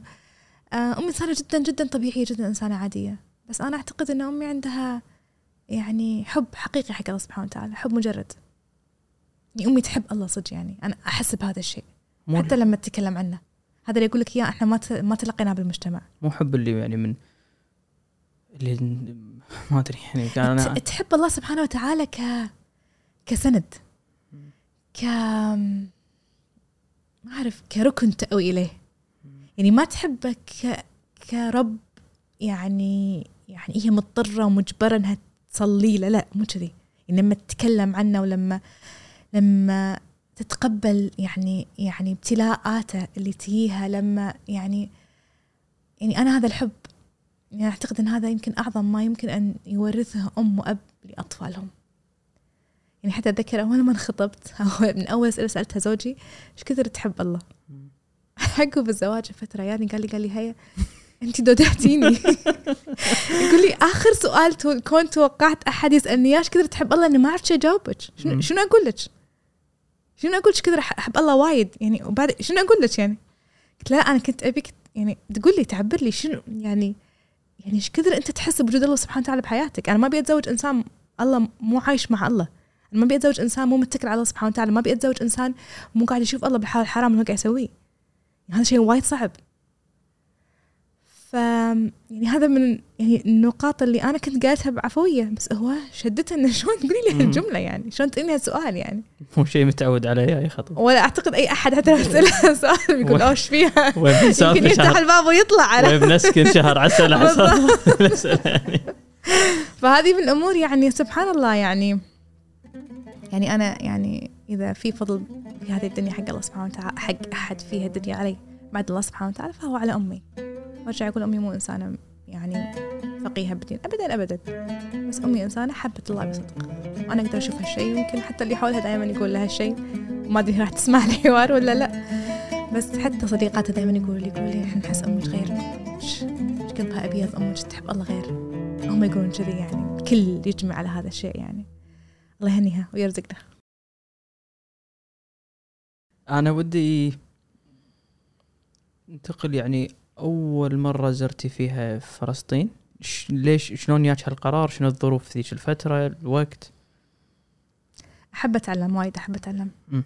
يعني اشتغلت بقطاع الاستثمار. تو قبل شوي قاعد اسولف معي قال لك رحت توظف شهر ونص. و... أنا صارت لي نفس الحالة إن مديري استقال من الدوام وياني الرئيس التنفيذي قال لي to be or not to be المنصب هذا شاغر مديرك وانت مفترض ما تصل عقب خمس سنين minimum فايش رايك تجربين تشتغلين. okay. تمسكين ال position يعني. فما أنساها تميت أداوم من سبع الصبح تبغى الصبح أقعد بالدوام ثمان تسع عشر بالليل أنا بالشركة لدرجه انه يجيب أخوي الصغير أنا الشركة بس بقى فيها مجموعة موظفين يعني وأنا البنت الوحيدة. فاجيب أخوي الصغير الابتدائي أدرسه قاعدة يمي وأنا أخلص شغلي مال الشركة. بس كنت عقب ما أخلص دوامي قاعدة أقرأ الأشياء اللي أنا ما أعرف عنها شيء. قاعدة أشوف ال ال ال الأشياء اللي إحنا سويناها من قبل يعني كقسم اراجع ال files اراجع التحويلات اراجع ال documentation عشان أفهم شلون ماشي الشغل يعني عشان يكون عندي يعني يعني خبرة فيه. تمت على حال حالة ثلاثة شهور إلين ما الحمد لله I passed والحمد لله أنا حصلت ال position يعني. فلما جاء الموضوع حق قضية فلسطين حسيت إن أنا مو فاهمة. في شيء غلط. في شيء غلط. أكيد في شيء غلط. أما المجتمع أنا عايشة فيه غلط والعالم اللي أنا عايشة فيه غلط. أما قضية فلسطين هي غلط. بس عفوا شلون يعني موضوع فلسطين أنت بينك وبين نفسك كان كل ساعة يرد يعني يعني أنا ليش أقصد هذا الشيء بس أنا أدري إن الناس خصوصا اللي يشتغلون في البيئه البيئة الاستثمارية اللي هي بيئة تبحث عن العمل وتبحث عن يعني دائما تبحث عن المادة وهم الشخص هناك يبرمج يمكن مو بمكانك أنت بس بشكل عام صح. إن أنت هدفك شلون أنت؟ يعني أنا أذكر حتى لا لا مكاني أنا ماسكه أنا إيه. ماسكة تريجري كنت. إيه، بعد يعني أنا ألعن. أصبح أشوف الملايين رايحة راده ويفتح حسابي أشوف 100 ولا أنا- 200 يعني. أنا أنا عندي شباب يشتغلون. فأشوف الجاب يعني بعيني يعني. وأنا وأنا أذكر شو أول مرة انصدمت فيها يعني من الثقافه هذه كانت بالجامعة. أذكر ليه اليوم أذكر الدكتور طلع حط باوربوينت كان يقول آه شنو أهم شيء عليك أنت كموظف تشتغل بأي شركة؟ وكان الجواب to maximize shareholders' worth إنك أنت تزيد آه ثروة المساهم باكبر طريقة ممكنة بغض النظر عن يعني ما قال بس إنك تحافظ على ال ethics ولا تحافظ على القانون ولا لا لا لا كانت وهذا جامعة يعني م-م. وكان class ethics ها. الحين توني اذكر كان أهم شيء إيه class ethics. كان. class ethics ها to maximize sharehold ما أنساها الجملة فأقصد أنا اشتغلت في هذه البيئة قد ما يكونون كلهم كذي ولكن أشوف بعض الناس انه لا أنت همك المادي 100% وأشوف ناس يبدون عندهم أشياء كذي قضية الفلسطينيه في ناس عنده قضية قومية عربية إلى آخره. شوي شوي يبدي ينسحب منها ويركز على هذه الوظيفة الجديده فشلون كان موضوع فلسطين يرجع لك بين وقت ووقت يعني؟ أظن اللي متعود إنه هو يكون مملوء من الداخل مهما تمليه من برا يتم يحس في عدم اتزان. فأنا كنت أحس الحمد لله كنت قاعد أترقى بوزيشن مالي. وظيفتي كانت قاعد تصير أحسن المعاش أحسن ال- يعني كانت ممتازة. اللي بعمري كان يحلم يحصل لي الكرسي أنا كنت قاعدة عليه. أه بس من داخل أنا مو مرتاحة. أنا أنا أدري إن في شيء بالحياة أحلى من اللي أنا قاعد أسويه. وأنا مو من الناس ترى اللي عندي موضوع الزهد إن الإنسان لازم ما يفكر بالمادة لا. أنا عندي الإنسان لازم يكون مرتاح ماديا. أنا عندي هذا شيء مهم. يعني حتى مثلا مع عيالي أنا يهمني إنهم يكونوا مرتاحين ماديا. حتى مثلا لما اكلمه أقول له على شيء مثلا ما راح أشتري لك إياه؟ أقول أنا عندي فلوس بس ما راح أشتري لك إياه. ما أقول أنا ما عندي. أقول له ماما أنا عندي مبلغ بس هذا الشيء اللي أنت قاعد تشتريه عفوا هذا الشيء اللي أنت قاعد تشتريه سعره ما يسوى. سعره ما يسوى. أنا عندي فلوس أقدر أشتري منه ألف. بس هذا الشيء قيمته مو مثل ما هو معروف مو, مو, مو مثل ما هو يستحق. فأنا عندي موضوع المادة مهم. وبالعكس ليش الإنسان ما يكون مرتاح ماديا؟ شيء وايد مهم. ليش لا؟ بس بالمقابل في satisfaction داخلي الإنسان يحتاجه. فأنا بالنسبة لي كان يعني موضوع فلسطين أم، لا زال ذات ذات الشعور الظلم والإيذاء وال اللي قاعد اتعرض له الشعب الفلسطيني وأنا ساكتة كان وايد يعو- يعورني من الداخل. أقدر أسوي شيء ليش- اسكت فوصلت مرحلة إنه وين أبدي؟ ما أدري. فتكلمت مع أحد من أصدقائي أيام كان فيسبوك يعني بأمريكا. فقال لي إحنا طالعين وفد أمريكي بريطاني على فلسطين. تين معنا. قلت لهم ها؟ نوي أهلي يرضون طبعا. فقلت لهم شوفوا هم هي قافلة راح تقعد بال بال بالشارع مدة تقريبا أسبوعين ثلاثة أسابيع من لندن. داخل سيارات أسعاف 219 سيارة أسعاف من لندن إلى غزة. فقلت لهم يعني هم أسبوعين ثلاثة باخذ إجازة من الدوام أطلع وياهم. ما ابي شيء أبي أقعد مع الناس اللي رايحين. أبي أشوفهم أسولف معهم أبي أسمع منهم. شنو الشيء اللي يخلي إنسان في إجازة كريسمس في عطلته المهمة العائلية؟ يترك عائلته ويترك ناسه ويروح حق ناس لا من دينه ولا من أهله ولا من جنسه ولا من قيمته خاصة ولا أرض مشتركة ولا شيء بينه وبينهم. شو اللي يخليهم يطلعون؟ أمريكان وبريطانيين. شو يخليهم يطلعون؟ يروحون حق غزة. شو يخليهم يقعدون بالشوارع الأيام هذه كلها؟ فكنت بجرب ال experience وأتوقعت إني يعني maximum أقعد 3 to 5 days إني أتحمل إني أقعد بسيارة بالشارع عفوا لا حمام. لا مكان أكل لا مكان تبديل لا وبرد يمدي شهر 12 ثلج. آه وننام داخل السيارة وإذا يعني كلش كلش حطينا لنا خيمة فوق الثلج نمنا عليها يعني كان الوضع يعني كثيف يعني. فقلت خلينا نجرب ليش لا؟ فجزء من إن أهلي كانوا معارضين فصار عندي ها؟ مثل عناد ما-. okay ما تبون لا أنا أبي هم خلوني أكسر لي شيء اللي بداخلي أكثر يعني. فبعدين وافقوا لي. أي سنة هذا عفوا؟ 2010 2009 آسفة. okay. 2009 بس آه، شو اسمه في هذا الوقت وافقوا لي. قلت لهم أنا الحين سويت كل اللي تبونه. شنو تبون؟ أنتم بالحياة؟ شهادة دخلت جامعة ووظيفة. شهادة توظفت وظيفتي أنا فيها ممتازة. أنا يعني حتى مثلا من ناحية مادية أنا مستقلة بذاتي. أنا من من توظفت وين أنا ما أخذت ولا دينار من أهلي. وأنا من النا- الناس اللي ارفض هذا الشيء. أحس إن أنا إذا أبي أونس نفسي لا أنا أصرف على نفسي. م. يعني أهلي مس- مسؤولين عن احتياجاتي الضرورية والأساسية وإذا هم يعطوني من عندهم كيفهم بس أنا ما راح أطلب شيء إضافي يعني. فأنا وليت في يوم قلت لكم أبي دينار دينار ما طلبته منكم. فأنا شايله عمري وأنا متحمله مسؤوليه نفسي. أعطوني فرصة. فصار ها ها okay طلعت معاهم على القافلة بالمسار. لما توصلون غزة تردين الكويت ارد الكويت ارد الكويت. قافلة تأخرت الموضوع خذ شهر وشيء لا بس قبل لا نقول تأخرت عام بفهم شلون من لندن لغزة يعني شنو الدرب؟ شنو إيش كثر؟ الدرب آه، كل إحنا شو نسوي؟ نطلع من مدينة لمدينة. okay. ننزل المدينة هذه. آه ناخذ ساحة كبيرة. طبعا ندخل بسيارة الإسعاف مشغله الصفارات مالت سيارة الإسعاف. ننزل المدينة الكبيرة بال center يطلعون يسوون speech. عن موضوع غزة. هو awareness إنه كذي بيصير بغزة شيء بيصير بغزة. donation من يبي يتبرع؟ يلا يتبرعون. نروح نجيب أدوية ومعدات معينة وتتعبى سيارة الإسعاف. وهذه حالتنا من مدينة لمدينة. إحنا مثلا ما نطلع مثلا فرنسا مدينة واحدة لا. فرنسا خمس ست مدن. بريطانيا خمس ست مدن إيطاليا يونان كذي لما نوصل إلين آه غزة. شلون التكاليف يعني؟ من منو كان كان في ماكو تكاليف. إحنا يعني- داخل سيارة الإسعاف. ماكو تكاليف إقامة.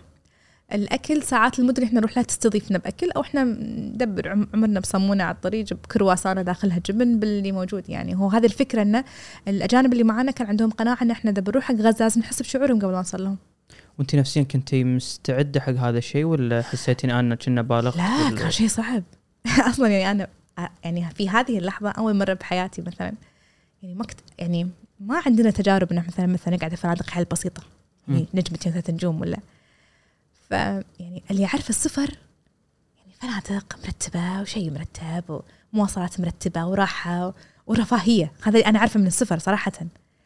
فتيجي تسافر تقعد بالشارع ولا أكل لا مكان نوم. عفوا ماكو حمام.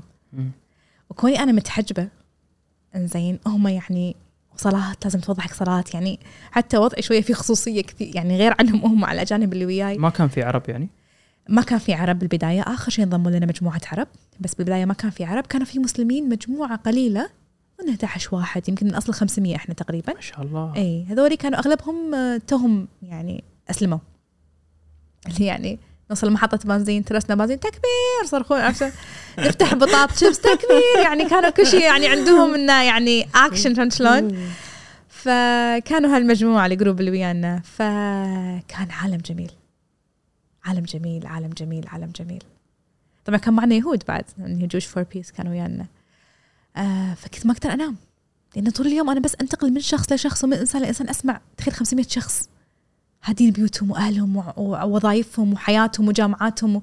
وفي معنا كان ولد معاق عمره 17 سنة آه اسمه بيلي على wheelchair. معنا واحدة عمرها 81 سنة على عكازة بريطانية. فكان ال- كانت يعني يعني أحس رجعت حق العالم الحقيقي حق الحياة الحقيقية. بس شو اللي استوعبتي؟ ليش ليش هم قاعد يسوون هذا الشيء؟ إنسان يدافع انساني بحت بحت بحت إنسان يظلم. إحنا لازم نوقف معه. من هالباب فقط. الأغلب كذي. مع إنه واحد يهودي حتى كان رايح زاير عيال خالته بداخل فلسطين المحتلة يهود يعني صهاينة.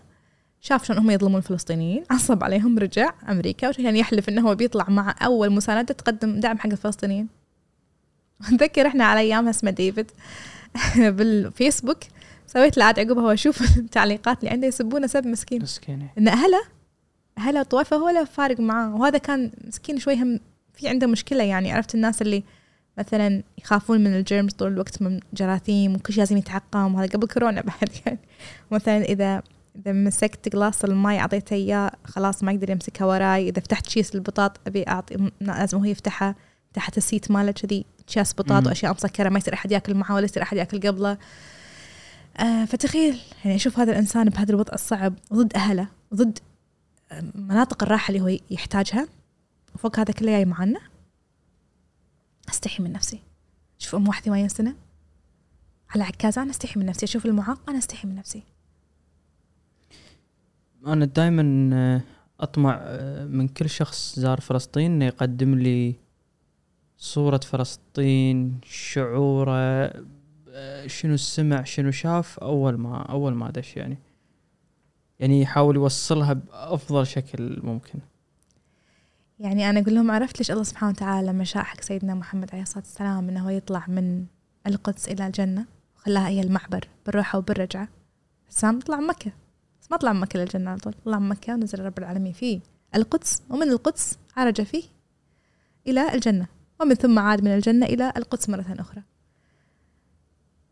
أنا أظن إن في هذا اليوم الرسول صلى الله عليه وسلم شاف جنتين جنة الأرض وجنة السماء. وهذا الشعور كل من يقول عن, عن فلسطين لما يدخلها يقولون يعني شعور بالراحة شعور بالجمال لها لها لها سحر سحر حقيقي. بس تقدرين تص يعني تذكرين دشيتوا بنهار شنو كان؟ يعني أول آه دخلنا بليل. وكنا متعرضين حق أذى شديد حكومة عربية عشان ندخل. كسروا سياراتنا وتدخلت حكومات دول وصارت قصة عشان بس ندخل بالمساعدات اللي معانا. كان ليل وكنا يوم ونص مو ماكلين ولا شيء ويوم ونص إحنا 500 شخص على حمام واحد. كانوا محتجزين مكان واحد. كان وضع صعب بس كان دخلة كانت جميلة. أول ما دخلت أتذكر دخلت ودونا على طول على المستشفى مال الكويت. فاحنا كنا قاعد ندور على المرضى وإحنا ندور على المرضى من التعب نمنا على سرتهم بالمستشفى. بالجوتي والله ما أنساها ما أفسخ جوتي. جوتي الزيتي ما أنساها إني أنا قعدت فتحت عيني الصبح وقعدت تشرق الشمس وأنا أشوف نفسي آه. نايمة والجوتي للحين ما ما فسختها من التعب ما كان فيني حل حتى إني أمد إيدي أفتح جوتي. بس قلتي إن يعني كانت في حكومة معينة ما كانت تود إن أنتم تدخلون فلسطين بال إي نعم كانت الحكومة ترفض إن المساعدات تدخل حق فلسطين إلا عن طريق إسرائيل. فكانت تبي تاخذ منا كل المساعدات اللي إحنا جمعناها وتعبنا وشقينا فيها وتسلمها حق الكيان الصهيوني. الكيان الصهيوني يحتجزها عنده ستة اشهر وإحنا لازم ندفع أجرة على الأرض اللي راح تنحط فيها السيارات والمعدات الطبية. طبعا راح تخترب. وبعدين يسلمونها حق جهة مجهولة في الجانب الفلسطيني. وإحنا عندنا المعدات اللي معانا كانوا مشغلين عليها فريق إيرلندي.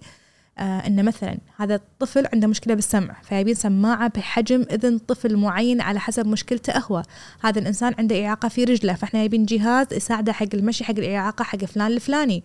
فإحنا أغلب الأجهزة اللي معنا كانت أجهزة متخصصة حق أطفال وشباب وبنات غزه فكان عندنا وايد صعب إحنا نسلمها حق جهة مجهولة.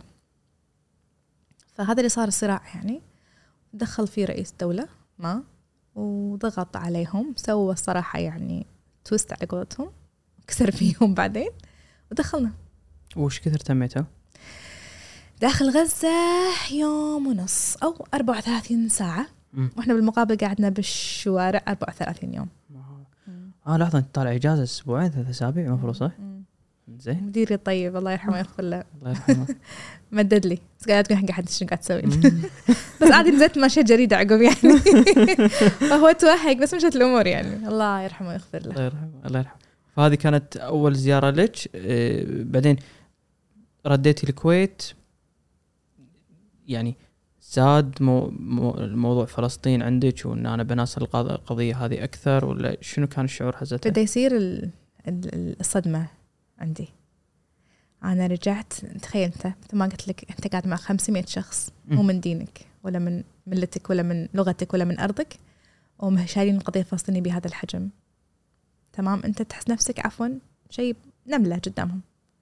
يعني شنو هالإنسان اللي يضحي عشان شيء ما يعرفه عشان شيء ما يمثله بصلة يعني؟ في المقابل أرجع حق الناس اللي هذول من دينهم من ملتهم منهم وفيهم وتسمع الكلام. من الكلام اللي أنا سمعته ما أنساها. واحدة قالت أعطوني جواز بنتكم أنتم ما تستحقون تربونها. ما فهمت. يعني قالوا حق أهلي أعطوني جواز بنتكم. يعني إن أهلي ما يقدرون يتحملون مسؤوليتي مفترض أو مو ما يستحقون يتحملون مسؤوليتي فلازم يأخذون جوازي عشان تمنعني من السفر. إن أهلي مو قادرين يحافظون علي ليش أنا رحت غزة. شنو ما يعني ما. هو شنو مشكلته مع غزة يعني؟ يعني إيش راحت بنتكم غزة؟ أنتم مو كفو تصيرون أم وأبو يعني. لا ك ك كداعي إنه شيء هذا شيء خطر خطر ولا؟ خطر إيه. شلون آه. انت تروح هناك؟ حتى ترى موظفين الشركة ما انساهم موظف يعني. الله يمكن يسمعني بعد. كان يقول لي ديره ما فيها ريايل لا لا فيها. لا يعني قصدي ما فيها ريايل يروحون فلسطين؟ قلت لا هذه ما أدري عنها صراحة. الأولى فيها ريايل فيها ما فيها ريايل يروحون فلسطين ما أدري. تقول لي لا أكيد فيها انت ليش تروحين؟ انت بنت. قلت له صح كلامك. ما ريايل أنت تروح مكاني. إيه أكيد. خمسة أشهر إحنا طلعنا الصبح عقبها بخمسة أشهر. رحت له. فلان. ما طوفتي ها؟ بطلع. لا ش- شلون طوف له إياها؟ إيه. شلون طوف له إياها؟ إذا هو قاعد يستصغر أمر خير بادر مني أنا بنت. شلون طوف له إياها؟ يعني عفوا إذا أنت شنو تشوف يعني يعني أفضليتك على البشر اللي قدامك؟ هو مو قضية أنت رجل ولا أنت امرأة قضية أنت شنو قاعد تسوي بحياتك؟ تعالي بقى إحنا بنروح آه، فلسطين الحين وهذه قافلة وقافلة دولية وشيء مرتب وعندنا موافقة من الأمير عندنا موافقة من وزارة الخارجية وأمورنا كلها طيبة وبرلمان الكويتي. يلا. هاتي بسم الله تفضل. لا أنت من صدقك؟ قلت له أكيد من صدق قال أنت بترجعين مرة ثانية؟ قلت له "أنا برجع مرة ثانية. حياك معنا. تقول قلت له okay أشوف ربعك بالديوانيه أنت ذيك المره قلت لي ما في ريايل؟ الحين لازم. أنت تجيب الريايل. يعني أنت تعرفهم يعني أنا ما أعرفهم صراحة ما قاعد دواوين ولا عندي احتكاك معاهم يعني. لا لا والله. أنت من صدقك؟ قلت له والله أنا من صدقي طبعا يعني هو قاعد يحاول يحسسني إن أنا غلط. مم.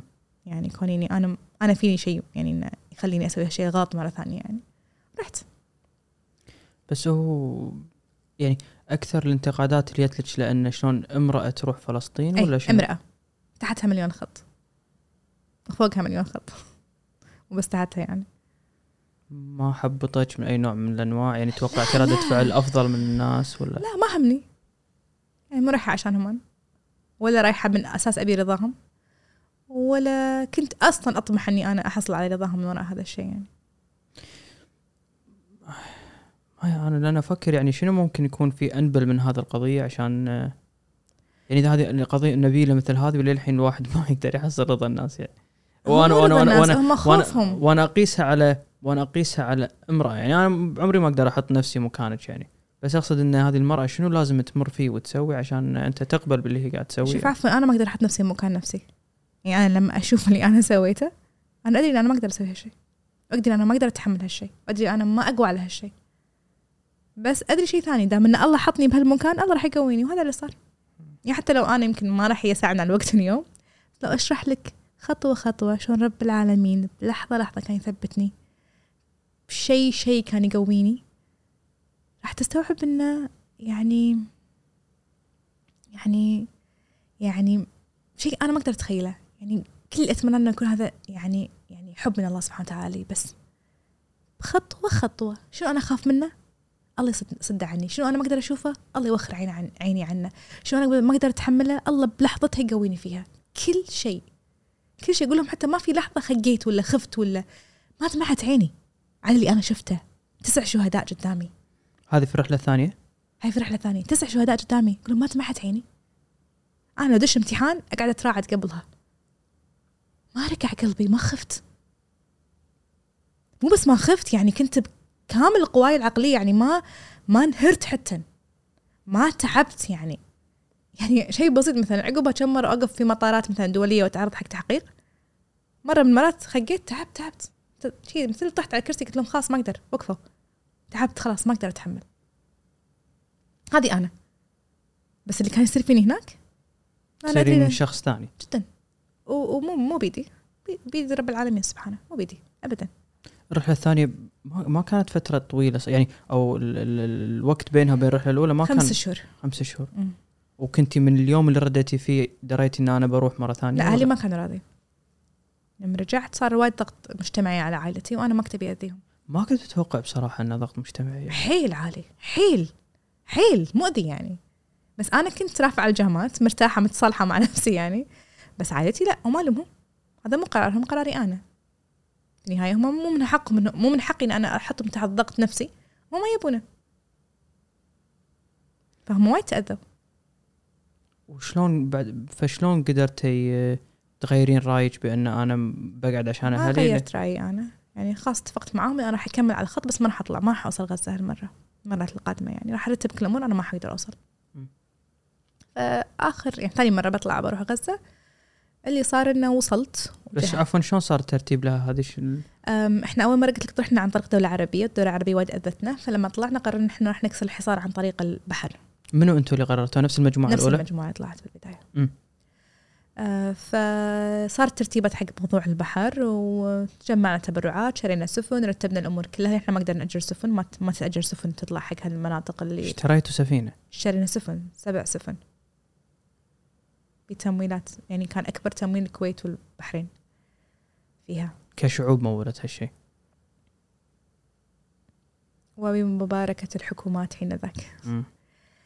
وبعدين آه، طلعنا هناك. هذا كان هي كانت ترتيباتي حق الأمر. رتبت وفد خليجي كان 16 15 من الكويت آه، خمس بنات و آه، عشر شباب ومن البحرين أربعة. وكان في إقبال خليجي إنهم ينضمون حق المجموعة. أنا, أنا رفضت. خوفا على سلامتهم. آه ورتبت الأمر وصلتهم لين باب السفينة يصير يركبون السفينة ويتوكلون على الله. زين قبل خمس تقريبا ساعات من لا تتحرك السفينة يعني يعني رئيس الأسطول نفسه يعني. فقال لي ها انت معانا صح؟ قلت له لا. قال لي ما شفت اسم المكشوفات قلت له أنا مو وياكم. قال لي ليش؟ قلت له أهلي مو راضين فقال لي ليش؟ قلت له يعني شيء culture يعني وصعب أشرح لك إياه يعني. وأجنبي هو؟ آه تركي. okay. ف قال لي اعطيني اكلمهم قلت له لا تعرف. يعني هو ما راح يستوعب الرد الكويتي شلون راح يكون. لا بنتنا إحنا ما.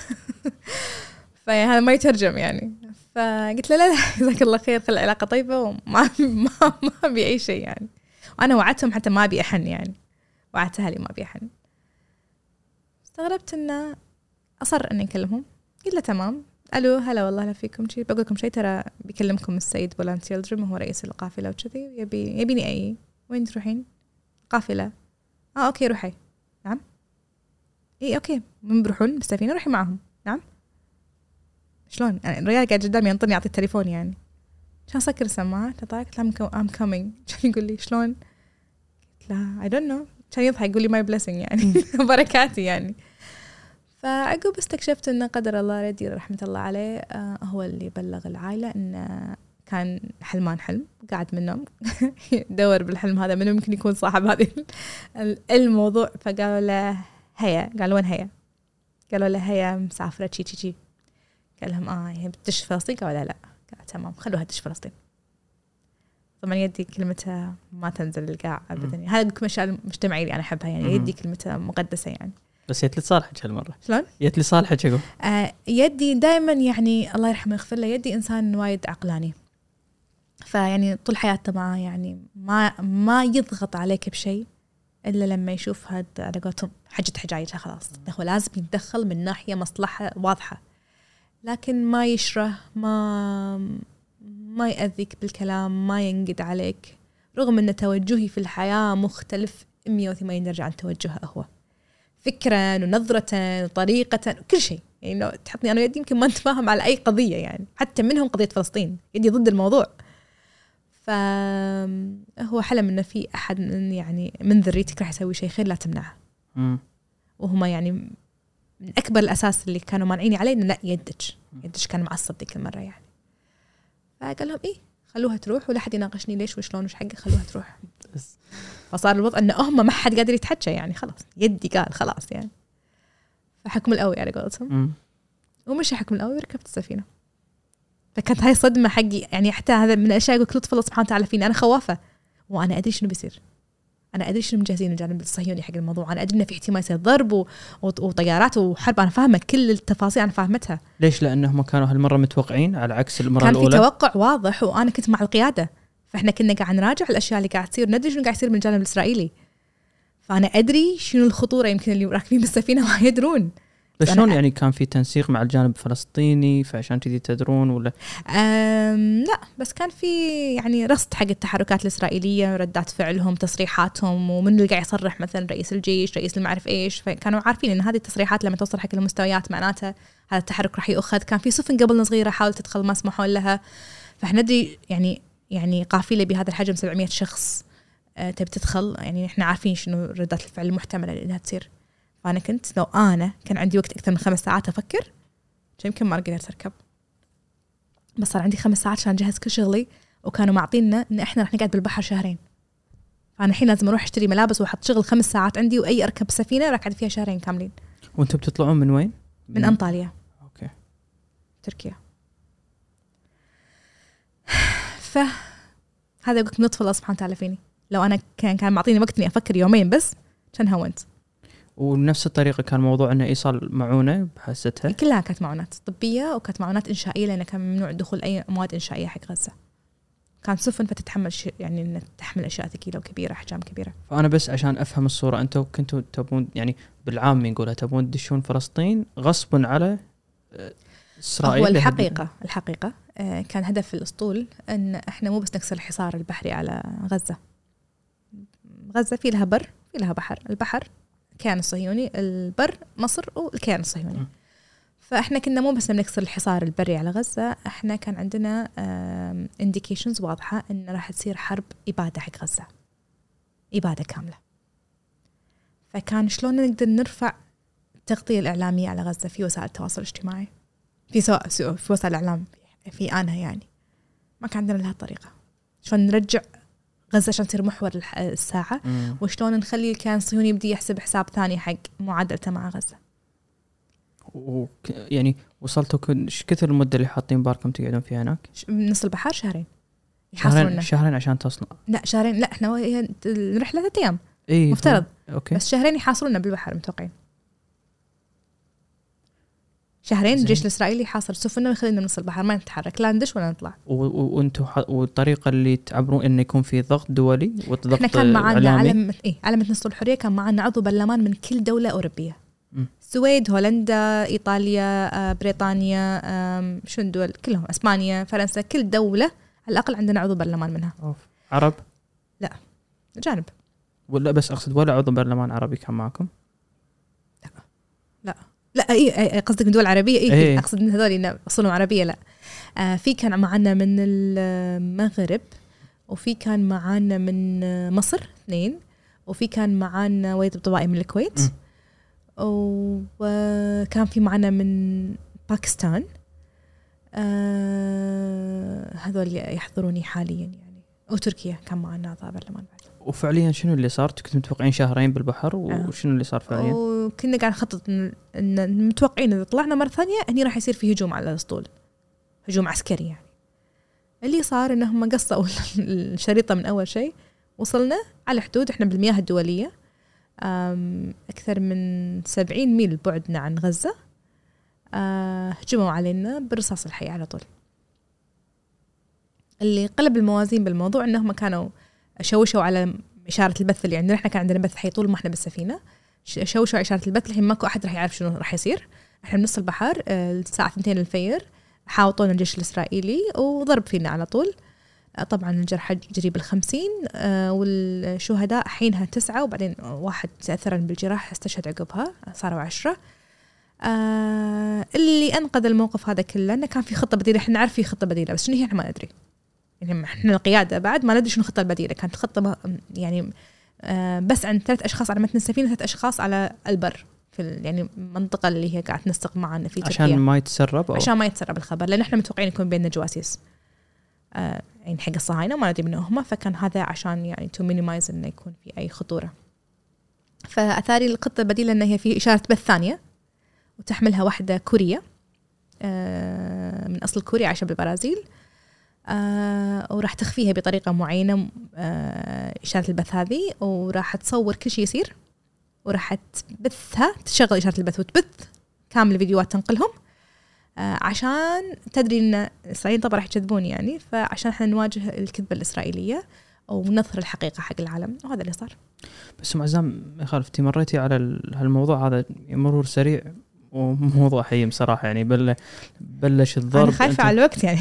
لا لا أشوف إذا إذا من جانبك أنت لا لا، أنا ما عندي مشكلة. لا إحنا بالعكس يعني خذي راحتك. آه، بس انك مريتي مرور سريع وبصراحه ما يمر علي وايد شخص يعيش اللي أنت عشتيه. فش يعني سمعتي صوت أحد قال لك بلش ضرب شنو حسيتي وقتها؟ ارجع كل طفل الله سبحانه وتعالى فيني. يعني أنا كنت صار لي تقريبا يوم ونص مو نايمة نهائيا. من الشخصيات اللي أنا قاعد وياهم على متن السفينة. أطلع من إنسان لإنسان من إنسان لإنسان بس أسمع وأتكلم معاهم وأشوف يعني. فكان عندي وقت صعب إني أنام.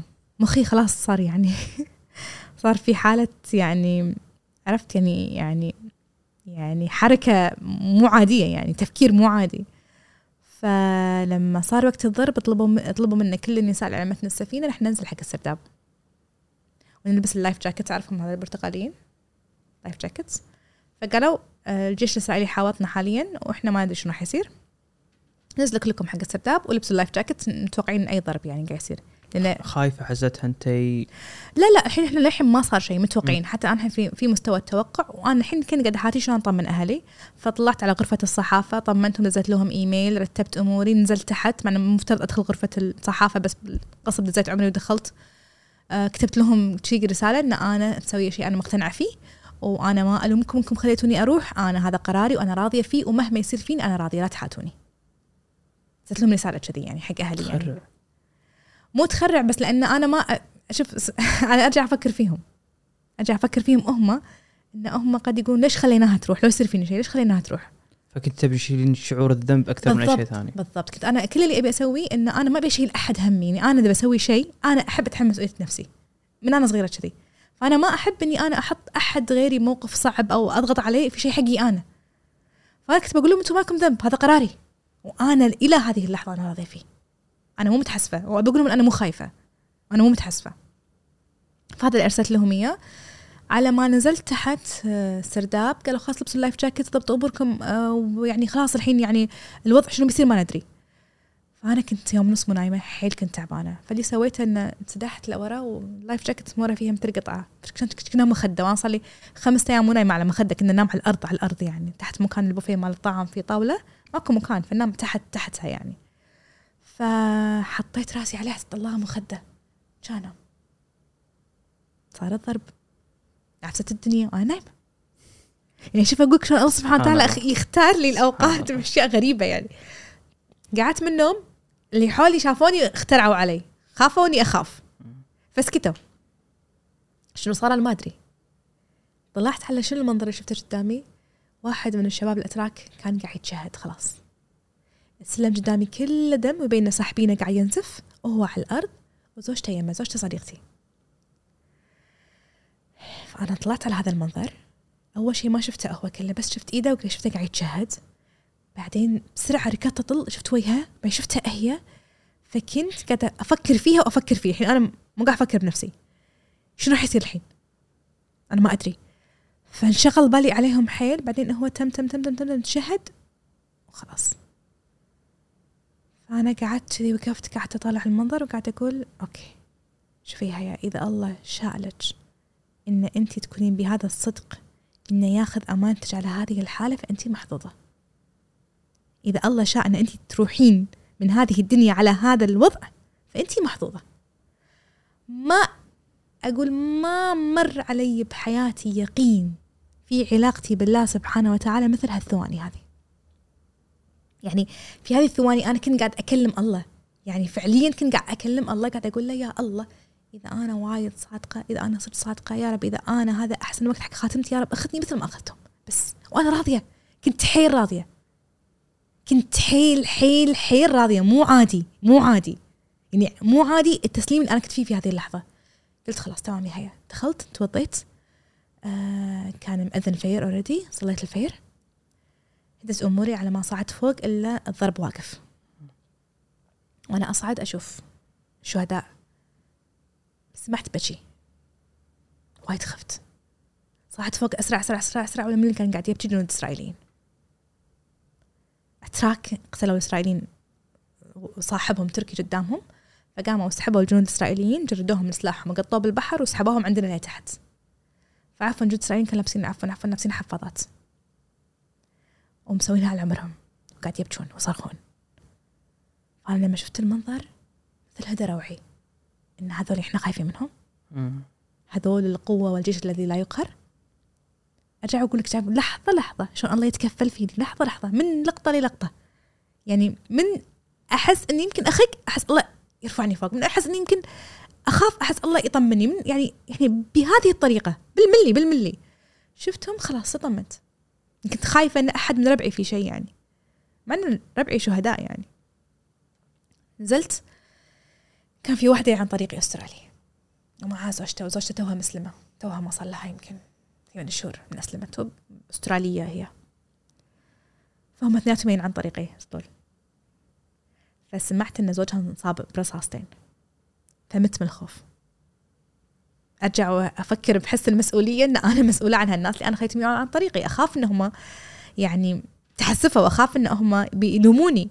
فركضت دورة وينه وينه وينه فشفته في رصاصتين وكانوا وايد مشغولين ال- كان معنا بس طبيبين ويمكن واحدة بسلك التمريض اللي هم قاعد يحاولون يساعدون المصابين اللي ويانا وطلعنا الأدوية اللي إحنا مودينها حق أصلا حق غزة عشان إحنا نعالجهم. فأنا رحت حق زوجته اسمها جري آه قلت لها فشفتها ولميتها وقلت لها جري يعني أيوه زوجتها كانت حامل بالشهر الثالث فقلت لها جري everything is fine. كانت تقولي don't worry everything is going perfect. زوجته؟ فأنا مثل اللي يعني لحظة لحظة. شنو what's perfect يعني perfect زوجك مصاب وما في أحد راح يقدر يعالجه وإحنا الحين يعني بنص البحر وما ندري شنو راح يصير فينا وتقولي perfect تقولي هي everything is going perfect. فأنا صيغة كلامها كان جدا مطمئن. طمنتني معني ماني فاهمة إيش هي مطمنه ورحت وحاولنا الموضوع إن إحنا نشيل الرصاص اللي اللي بريلة وحاولنا نرتب الأمور شوية. المجموعة اللي معانا طلع طلع الأغلب من السفينة بلشوا يفرون الناس إحنا تمينا لآخر شيء. البريطانيات اللي كانوا معاي كانوا سوبر أقوياء ما شاء الله. دخلنا بالتحقيق بالتحقيق قبل لا أدخل غرفة التح... قبل لا ننزل من السفينة يمسكونا المجندين من إيدنا عشان ينزلونا.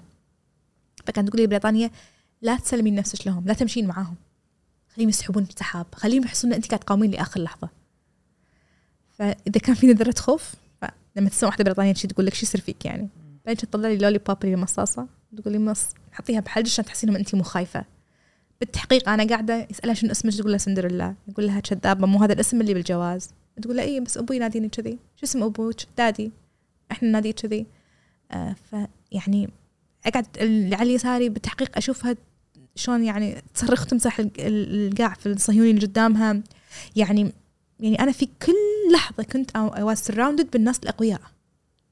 اللي ما حد فيهم خلق لي لحظة. كنا الله مسخرهم لك؟ حيل. مو كنا الله مسخرهم لي. يعني يعني أنا مفترض أي وقت أطيح من طولي لأن أنا كنت أشوف ناس حولي وأعرفهم ويمكن يعني يعني فقهيا ودينيا هم اعلم مني بس ما قدروا يتحملون. بس أنا كنت هادية مخي كان شغال زين آه ما كنت مرتبكة كان يعني كان وضعي أقدر أقول شبه طبيعي لدرجة كنت أشك بنفسي يعني. ركبت السياره كانت هي سيارة نقل الموتى حاطيننا في سيارة نقل جثث يعني عشان ينقلنا من مكان الاعتقال للسجن. بالسجن رجعت مسكت جري مرة ثانية قلت لها إيش صار على زوجك؟ بس تعرفون طبعا هذا الشيء مو متوقعين إن انت توصل من لا السجن. لا لا ابدا. ابدا ابدا. يعني هذا توقعناه بالأسطول الثاني والثالث بس مو بالأول لأن هذا سووه بالأول غباء وسووها بالأول وصار غباء صار يعني مو بصالحهم ابدا يعني. فلما وصلت السجن صار شيئين. صديقتي التركية استشهد زوجها حطوها بغرفة زجاج بنص السجن يعني طلع السجن وشلون مصمم غرفة التحقيق بنص السجن صايرة زجاج. وإحنا كل المساجين حولنا نشوفها. دخلوا صديقتي التركية قالوا يروحون جثث زوجها. وهي تنهار تبكي. وأنا صرخ من قمة راسي وأطق الزجاج ان طلعوها. هم قاعد يحاجون طبعا بالعبري وهي ما تعرف ولا عربي ولا إنجليزي ما تعرف إلا تركي. فأنا قاعد أشوفها تنهار قدامي وأنا مو قادرة أسوي شيء. وأصرخ عليهم من قمة راسي ان طلعوها. طبعا ما في أحد راح يرد علي لأن أصلا الزجاج كاتم. آه بعدين يوم حق واحدة فلسطينية كانت معانا مرة كبيرة كانت قاعدة تعالج كانسر وقال لها راح تتوفين خلال شهرين. فكانت راجعه معانا بالسفينة على أمل تدخل غزة تشوف آه، عيالها. عندها 11 بنت ولد. فقاموا يأذون لها نفس الشيء. فأنا هم يعني مثل جن جنوني في هذه اللحظات الصعبة. الله سبحانه وتعالى رجع دز لي جيري الأسترالية. أنا أقول لها جيري يعني how's your husband? شو تقول لي؟ everything is going perfect. هذه كلمتها. مرة ثانية. عشان أقول لها لا لا أنت يعني perfect. كلميني إيش قاعد يصير؟ يعني فهميني يعني أنت شلون قاعدة بهالبرود يعني؟ عشان تقول لي أنا حلمت حلم. ولما شفته مصاب عرفت إن هذا حلمي بالملي راح يتحقق. حلمت إن هو إن أنا وياه داخلين مسجد ودخلنا عاديين وقفنا على شرفة. وبهذا شرفة المسجد لفيت عشان أشوف وجه جميل جنبي. ابتسم لي كان أطالعه قلت له هل أنت رسول محمد صلى الله عليه وسلم؟ كان يقول نعم. كوني مطمئنة. يعني مثل الرسول صلى الله عليه وسلم طمنها. تقول غريبة إنه وأنا وزوجي طالعين من المسجد شفته قاعد يعرج بريل اليسار يعرج. بس كان ماسكني بإيدي وأنا معاه طلعنا من المسجد مع بعض. فأنا فهمت من هذا الحلم إن أنا وياه راح ندخل الأرض المباركة اللي هي فلسطين وهو هناك راح يصاب في رجله اليسرى مم. وأنا وياه راح نطلع من فلسطين بخير وصحة وسلامة. فلما شفت الرصاص بريله اليسار تطمنت. تطمنت. يعني هذه إنسانة في منتشر من أسلمت في منتشر. أنا شنو أقدر أقول؟ فعشان شي لما رجعت الناس يقولوا لي بطلة قوية أحس لا لا لا لا أنتم مو فاهمين شيء. أنتم ما شفتوا البطولة الحقيقية. أنتم ما شفتوا القوة الحقيقية. يعني حتى التركية اللي استشهد زوجها ولما نطلع من السفينة إيش سووا فينا؟ قالوا تمرون فوق الجثث. تطلعون من السفينه من نوع من أنواع الإهانة والإذلال وتكسير النفسيات شلون نطلع من السفينه؟ حطوا الجثث كذي على الأرض عبروا فوقهم عشان تطلعون. منهم جثة زوجها. إيش قالت لي؟ بجت بجت بكي عقب كانت تمسكني وما تعرف تتكلم عربي ولا إنجليزي قاعد تشرح لي. أنا مو قاعد أبكي إنه هو استشهد هو هو حصل هدية من الله. أنا قاعد أبكي أنا ما راح أشوفه مرة ثانية بس أنا راح أفقده بس. يعني كإنسانة هاو كان قد يعني يعني هذه النوع من الرسائل شلون أقدر أتعامل معاها أخاف. هذه عندها عيال شلون بترد لهم تقول لهم ابوكم موجود؟ أخاف هذا عندها مصاب. شلون بالتعامل مع الامر تمت صح؟ إحنا كلنا رجعنا ترى. هي وحدة أسترالية تمت مع زوجها. طلعوا ورجعوا عقبنا بخمس أيام. بس عفوا كم يوم قعدتوا في السجن بفترة التحقيق؟ بس يومين تقريبا. كان عبارة عن تحقيق بس. تحقيق بعدين سجن. سجن سجن سجن عسقلان. شلون صاير سجنهم هذا؟ في السبع كان سجن جديد. أم يعني سجن حقيقي يعني إحنا نظفنا إحنا حاطين شوية أشياء إحنا نطبخ ناكل منهم. آه آه لبس السجن عفوا حتى الحمام بالسجن مو مسكر في فتحات شي مدورة عشان يشوفون يعني حتى اللي بالغرفة معاك يشوفونك وأنت عفوا في مكان دورة المياه. آه سجن سجن. كل. معايره وهني وصل الخبر حق أهلك؟ ما أدري. ما حزتها أدري ما عنه تدري. ولا شيء.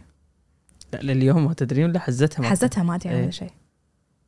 إلين طلبت التليفون إحنا من حقنا اي هذا شيء شيء إحنا معلميننا اياه قبل لا نركب السفينة معطينا دوره قانونيه كاملة شنو حقوقنا إذا اعتقلونا. فإحنا ندري من حقنا يكون عندنا محامي ندري من حقنا نقابل سفارات. إحنا ما عندنا سفارات من حقنا نقابل ال- الصليب الأحمر. الصليب الاحمر قابلتهم وقالت لي بصريح العبارة إحنا في إسرائيل وهني ما لك أي حق ولا أقدر أساعدك ولا شيء. أوف. كانوا ثنتين بنات إيطاليات وواحدة سويسرية. أنا ما حقدر نساعدك تبي تتكلمين تكلمين بس we can do nothing for you. إحنا في إسرائيل وإحنا ما نقدر نتحرك هني إلا ب بقراراتهم هم. آه بس آه صار موقف غريب. اكتشفت عقب سنين. كان في واحد فراش بالسجن اسمه أسامة. يروح ويرد علينا. إحنا الكويتيين. بصمة وأنا أخوكم. أنا شوف شلون أشتغل مهنة وضيعة في هذا المكان وأنا فلسطيني وأنا أمي مريضة. أنا مضطر أشتغل بهذا الشغلة وأنا خايف عليكم. بصمة وبصمة وبصمة وبصمة. اعترفوا أنتوا وقعوا أوراق. أنتوا كنتوا ضد هذا الشيء. ضد إحنا نبصم كان هذا من الحقوق القانونية اللي معطينا إياها قالنا من حقكم إنكم ما تسوون هذا الشيء. بعد سنين سنين سنين. قاعدة أقلب قناة الجزيرة. شوف حاطين الناس قاعد يتكلمون عن شاليط الجندي الصهيوني اللي اعتقلوا حماس. فحاطين تقرير عنه إسرائيلي ومترجمينه بالعربي. فربعة قاعد يسولفون عنه عن شاليط يعني. ولا منو وياهم؟ أسامة. هذا ولا هو من- شنو؟ جاسوس. يعني الله. هم يصرون إنك يخلونك تكرههم لآخر لحظة. يعني حتى عقب سنين اسمع أقول لا يعني يعني يعني أتذكر لما شفته ممكن ماكو عباره كانت تعبر عن شعوري اللعنة. يعني يعني مو معقولة يعني مو معقولة أنتم كذابين لهالدرجة. مو معقولة أنتم مصيبة لهالدرجة. مو معقولة أنتم كارثيين لهالدرجة.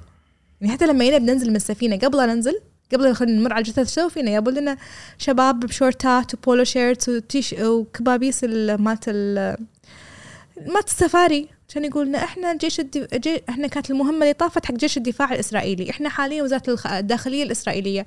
إحنا ما راح نأذيكم راح ننزلكم نشربكم عصير ريحكم و... ونتأكد عليكم من الناحيه الطبية ونرجعكم كل واحد حق ديرته يعني. الكذب معيني صراحة يعني. هذا الكلام قالنا إياه. ماكو هي تطلع من باب السفينة يمسكونك مرة ثانية الجيش الإسرائيلي.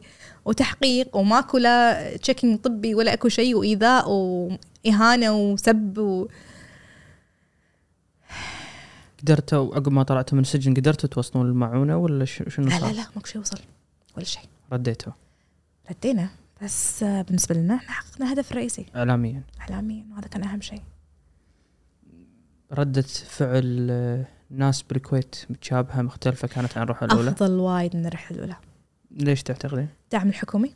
نرجع بطياره أميرية. طيارة الشيخ صباح الله يرحمه.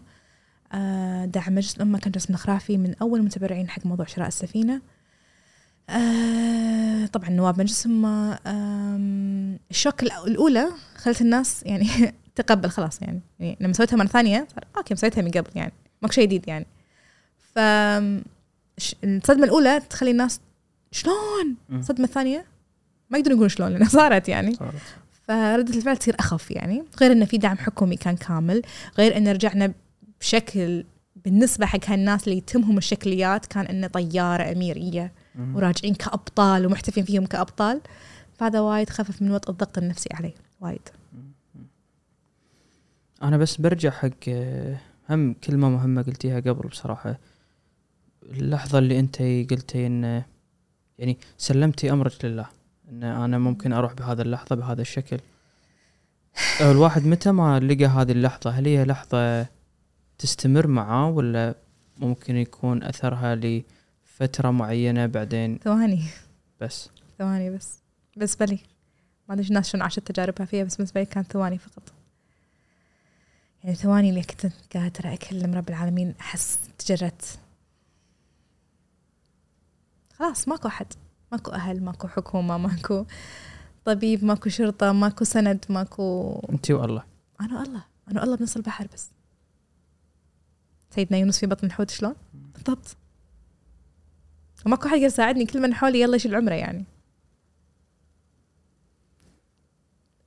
أنا ما بعدين هم رديتي وهم كان ببالك. أنا بروح مرة ثانية فلسطين. ثالثة ورابعة وخامسة إيه. رحت. بعدين انتقلنا حق الثالثة.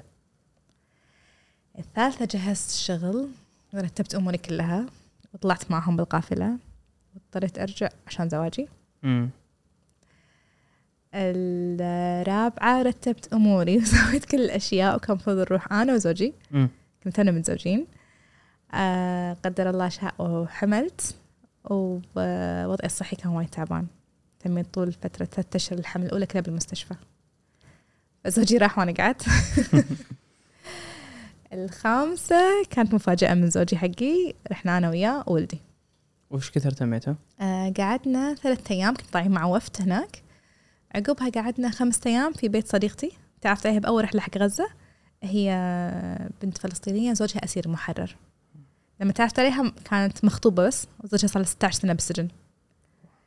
فلما طلع تزوجته ولما جيت كانت توها متزوجته فرحنا قعدنا عندهم بالبيت. أنا وريلي. تقدرين تصفي لي يعني مساء المشهد الفلسطيني؟ الحياة اليوم العادي في فلسطين شلون صاير؟ وهم شلون عايشين؟ كنت دائما أتخيلهم ناس سعيدين بالحياة ناس يعني ما يفرق معاهم شيء ناس أقوياء لكن هم ناس بالضبط حالهم من حالنا. عندهم ذات الطموح ذات الرغبة بالفرح ذات الخوف. آه نفسنا نفسنا بكل شيء. يعني الإعلام وايد كان يصور لي إحنا قاعد نشوف مثلا أبطال على الشاشات وأشخاص مقاومين و... لا لا لا هم أشخاص طبيعيين لكن شاءت الظروف إنهم ما يقدرون يعيشونها إلا بالمقاومة. لكن هم حالهم من حالنا. لو يخيرون بالأمن والأمان وراحة البال أكيد راح يختارونها. بس مع الزمن أنا أف... يعني أفكر حتى بالأشياء البسيطة يعني يمكن هذا هذا هذا شيء تقصير مني بس ما عندي اطلاع إنه يعني مو شلون طريقة وظائفهم يعني حكومة تدفع رواتب يعني ما عندنا نماذج وايد اللي تخلي الواحد يعرف شلون. الحكومة ما مو قادرة تدفع رواتب. الحكومة تاخذ دعم دولي هذا الدعم الدولي حاليا هم ياخذون ربع راتب كهرباء باليوم بس ساعتين. آه بنزين موجود بكميات أقل من القليلة ساعات حتى الإسعاف ما تقدر تتحرك لأنه ما عندها بنزين. آه قوارب الصيد ما تقدر تصيد لأنه ما عندها بنزين. الوظائف أرجع أقول لك شهرين ما في راتب شهر في راتب. الماي ملوث قلت لك كهرباء ما في المواد اللي تدخل لهم محدودة خصوصا طبية. الوضع الإنساني مزري مزري للغاية. أصلاً أنا ما أدري هم شلون قادرين يعيشون رافعين رأسهم ما أدري. نفسيا شلون هالناس عايشة لما تسولفين معاهم؟ نفسيا. قوية. نفسيا قوية. حس. حس المقاومة هذا يعني ما حتى عندك خيار. مثل إحنا يوم صار الغزو. كان. عندنا خيار ان إحنا ما نقاوم؟ كان عندنا خيار؟ لا. ما عندنا خيار. عيالنا وانت بكرامه اشتغلوا ينظفون الزبالات كان عندنا خيار؟ بس أقصد ما أدري إذا اللي حق اللي حق ان أقارن بصراحة بس يعني تكلمين على إيش كثر وصلنا الحين؟ فوق 50 60 سنة من الاحتلال. 70 70 سنة. فوق 70 فتتكلم على تقريبا جيلين إلى ثلاث أجيال يعني هذا اي أجيال يعني يعني مخصوصا ما شاء الله ما يتزوجون مبكر بعد. يعني عادي تتكلم عن أربع خمسة أجيال.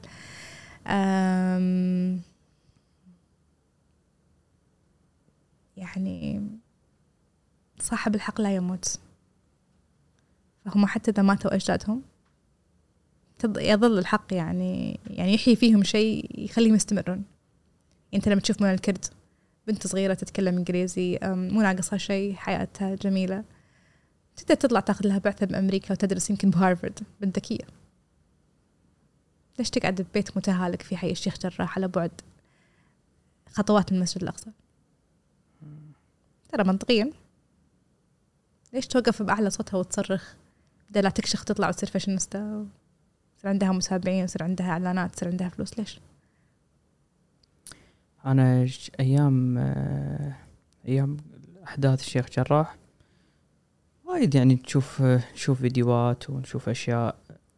ما أدري ليش في فيديو معين أثر فيني كان لشخص قاعد آه، يرمي الحجر وبنفس الوقت ام عزام كان يرقص. والرقص اللي ما أقول لك رقص اللي يعني رقص لا رقص عزة رقص كرامة. رق- رقصة نصر. رقصة نصر. ونار وراه و- و- ودخان. وأذكر حتى البيت كان وكان يغنون بيت يعني مركبينه على الفيديو إن ونحن نحب الحياة شيء كذي استطعنا إليها سبيلا. واستطعنا اليه سبيلا. إيه، حتى بحطه تحت بال بال بالفيديو اوريك بعد شوي. يعني حسيت هالناس مو نفس طينتنا بصراحة. لا نفسنا. أنا كنت اظنهم غير. أنا لما عشت انهم صدق نفسنا نفسنا بالضبط ترى. بس شلون الواحد يوصل لهالمرحلة هذه؟ أرجع وأقول لك ما عندك خيار. تعرف لما أنت تشوف ناس حولك أهلك عايشين معك نفس حياتك وقدر الله عليهم مرض ويتمون يقاومونه. تشوفهم. تدخل عليهم بالمستشفى وما يدرون إنهم راح يغادروا هالحياة تشوفهم يبتسمون تشوفهم يسألون عنك. ما عنده. خلاص الإنسان لما يفقد خياراته يصير خياره الوحيد إنه يرضى بقضاء الله. ويقاوم إلى آخر رمق. بالنسبة لك آه، اليوم شخص هل لازم يروح فلسطين عشان يقاوم ولا شنو الأشياء اللي إحنا ممكن نسويها عشان آه، لا لا طبعا دخول حق فلسطين والمرور على أي نقاط تفتيش صهيونية المرور بأراضي المحتلة لازم يدخل عن طريق نقاط تفتيش صهيونية أنا أنا أؤمن هذا التطبيع وأرفضه مم. جملة آه بس ليش أم عزم؟ لأن أنت مثلا أنا الحين لو أي بدخل مثلا بروح القدس أقدر أدخل. مم. شلون أدخل؟ نقاط إسرائيلية. لازم يوافقون علي. وأنا مثلا عندي قضية في في الكيان الصهيوني. عندي قضية ضدي يعني وعندي منع من دخول ال- الأراضي الكيان الصهيوني بسبب إني أنا شاركت في أسطول الحرية. فأنا ما حيدخلوني ليش؟ لأن أنا دخولي في مضرة لهم. تعال الانسان عادي بيروح يصلي بالقدس ويصور بشكل كيوت مع المسجد الأقصى. ترى يا جماعة؟ يعني كانهم الصهاينه فاتحين البيبان إيش فيكم؟ تبوا تصلوا المسجد الأقصى روحوا صلوا وردوا عادي. خلوا عندهم. ليش العسارة يعني؟ هذه الرواية اللي قاعد يحاولون إنهم يروجون لها. هذا التطبيع إنك تخلي علاقة مع العدو الصهيوني متقبلة. بس إن أنا أراعي موضوع شلون ممكن تكون صورتي مقابل إن أنا يعني اللي أنت قاعد تطرحينه ممكن يؤدي لعزلة لفلسطين. ما أعتقد هذا أهم شيء إيجابي. لا مو عزلة. أنت مو قاعد تعزل إنسان. أنت يعني روحتك حقه مو قاعد تفيده. ما تحسين إنه قاعد يفيد؟ انك انت تقول مثلا؟ واحد مثلا. في مثلا صداع أبي اعطيه دواء بلاعيم. أدري إن هذا دواء وهذا دواء. أدري إن هذا أنت قاعد تدخل القدس. وهذا أنت قاعد تدخل القدس مثلا في الحالتين يعني. آه، اسفه قاعد تدخل القدس أو قاعد تدخل غزة. دخول حق غزة كسر حصار. ادخل. دخول حق القدس لا. مساهمة في في آه، تشريع ووضع آه، يعني آه، وجود اعتراف في وجود الكيان الصهيوني. تبي تدخل؟ ادخل غزة تدخل القدس. بس أم عزام دخولك لأي من الاراضي الفلسطينية ما له أي أثر إيجابي عليهم؟ أن إحنا والله هذول إخواننا جايين أنا ما دخلت لم- أي أرض محتلة. هم يو اعتقلوني من نص البحر إي. دخلوني إلى بير السبع إلى السجن إي. بس أنا ما دخلت. أنا دخلت غزة. الأرض المحاصرة واللي فيها حكم فلسطيني وأنا ما دخلت ولا مرة عن طريق معبر صهيوني. لا أقصد اليوم إنه لنفرض أنا شخص دشيت عبر معبر صهيوني حضوري وجودي مع ناس في أراضي محتلة ما يعطيهم ما يعطيهم روح إيجابية لدرجة إن هذا اللي أنا سويته ممكن يهون مقابل ال ال الشيء الإيجابي اللي أنا لا لا أنا الصهيوني ما راح يسمح لي أعبر من معابره إذا أنا كنت في مصلحته. لذلك أنا ما راح يسمح لي. أنت راح يسمح لك يمكن أنا ما راح يسمح لي. وإذا بدعوه من السلطات لغرض ندوة ثقافية أسوأ. ولا؟ أسوأ. ليش؟ أسوأ. أنت قاعد تنشر حق العالم بشكل رسمي وقاعد توثق هذه الزيارة المفترض تكون على مستوى شخصي إلى مستوى يعني دولي محفل دولي إن إحنا ترى كمثقفين قادرين نتزاور. نروح ننزل رام الله. شو المشكلة؟ كاهم الصهاينة سمحوا لنا نروح رام الله. نتكلم عن قصتنا العظيمة ولا نتكلم نقول شعرنا الجميل؟ بس إذا هذا الشعب المحتل اللي هو أولى بهذه قادر القضية. يطلع فلسطيني داخل الأراضي المحتلة قادر يطلع من فلسطين. قادر يطلع وعنده جواز. لا بس إذا هذا ليش أنا أحرم الشخص هذا منه إذا هذا الشخص داعيني لي أنا أقدم مادة ثقافية ولا حتى اللي مادة. داعيك هل هو متواطئ بشكل مباشر أو غير مباشر؟ مع الكيان الصهيوني.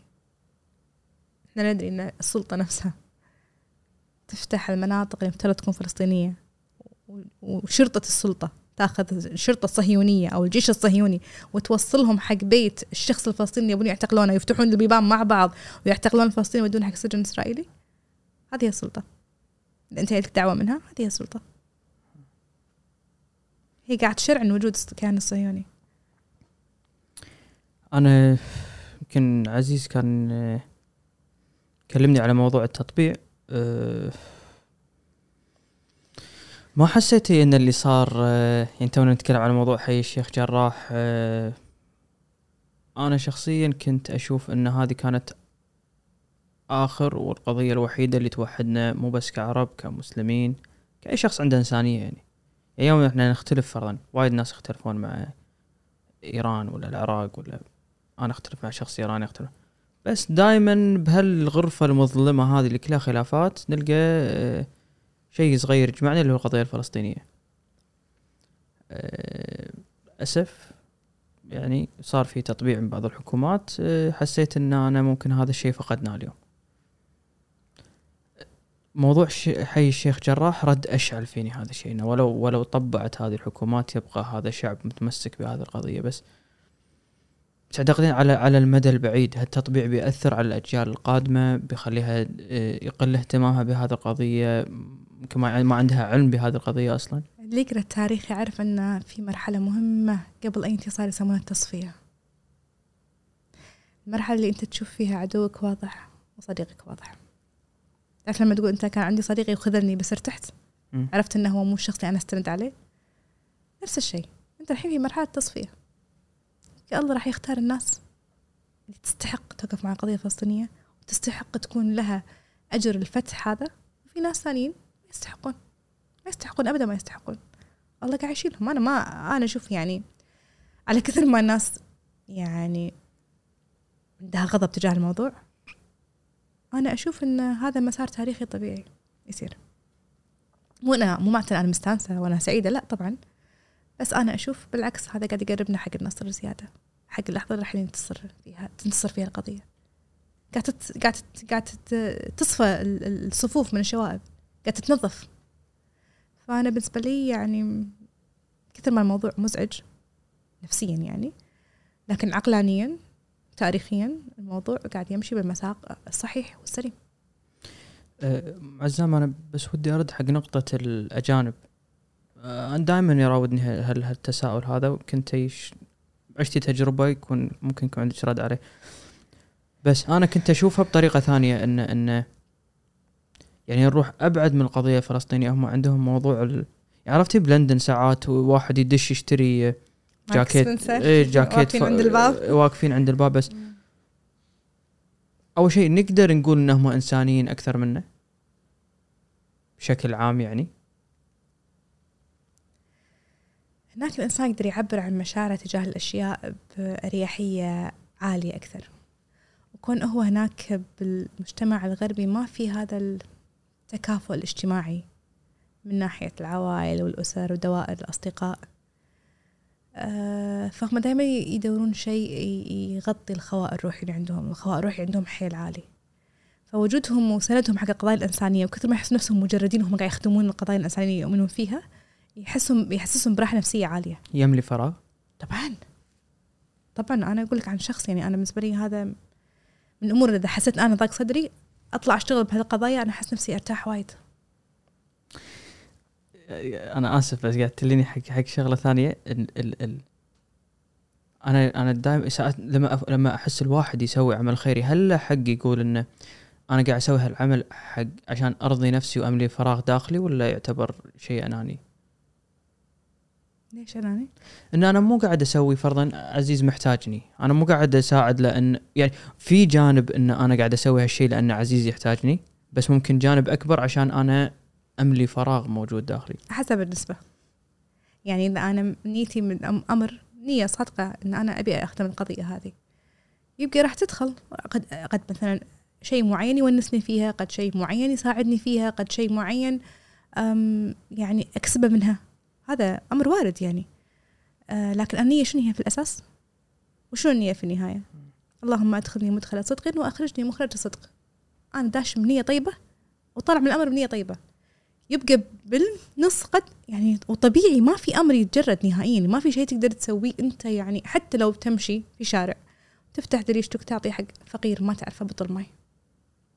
يبتسم بهيك أعطاك سعادة. أسعد قلبك صح. تقدر ترفضها؟ تقول لا ما أبي عشان أصفي نيتي؟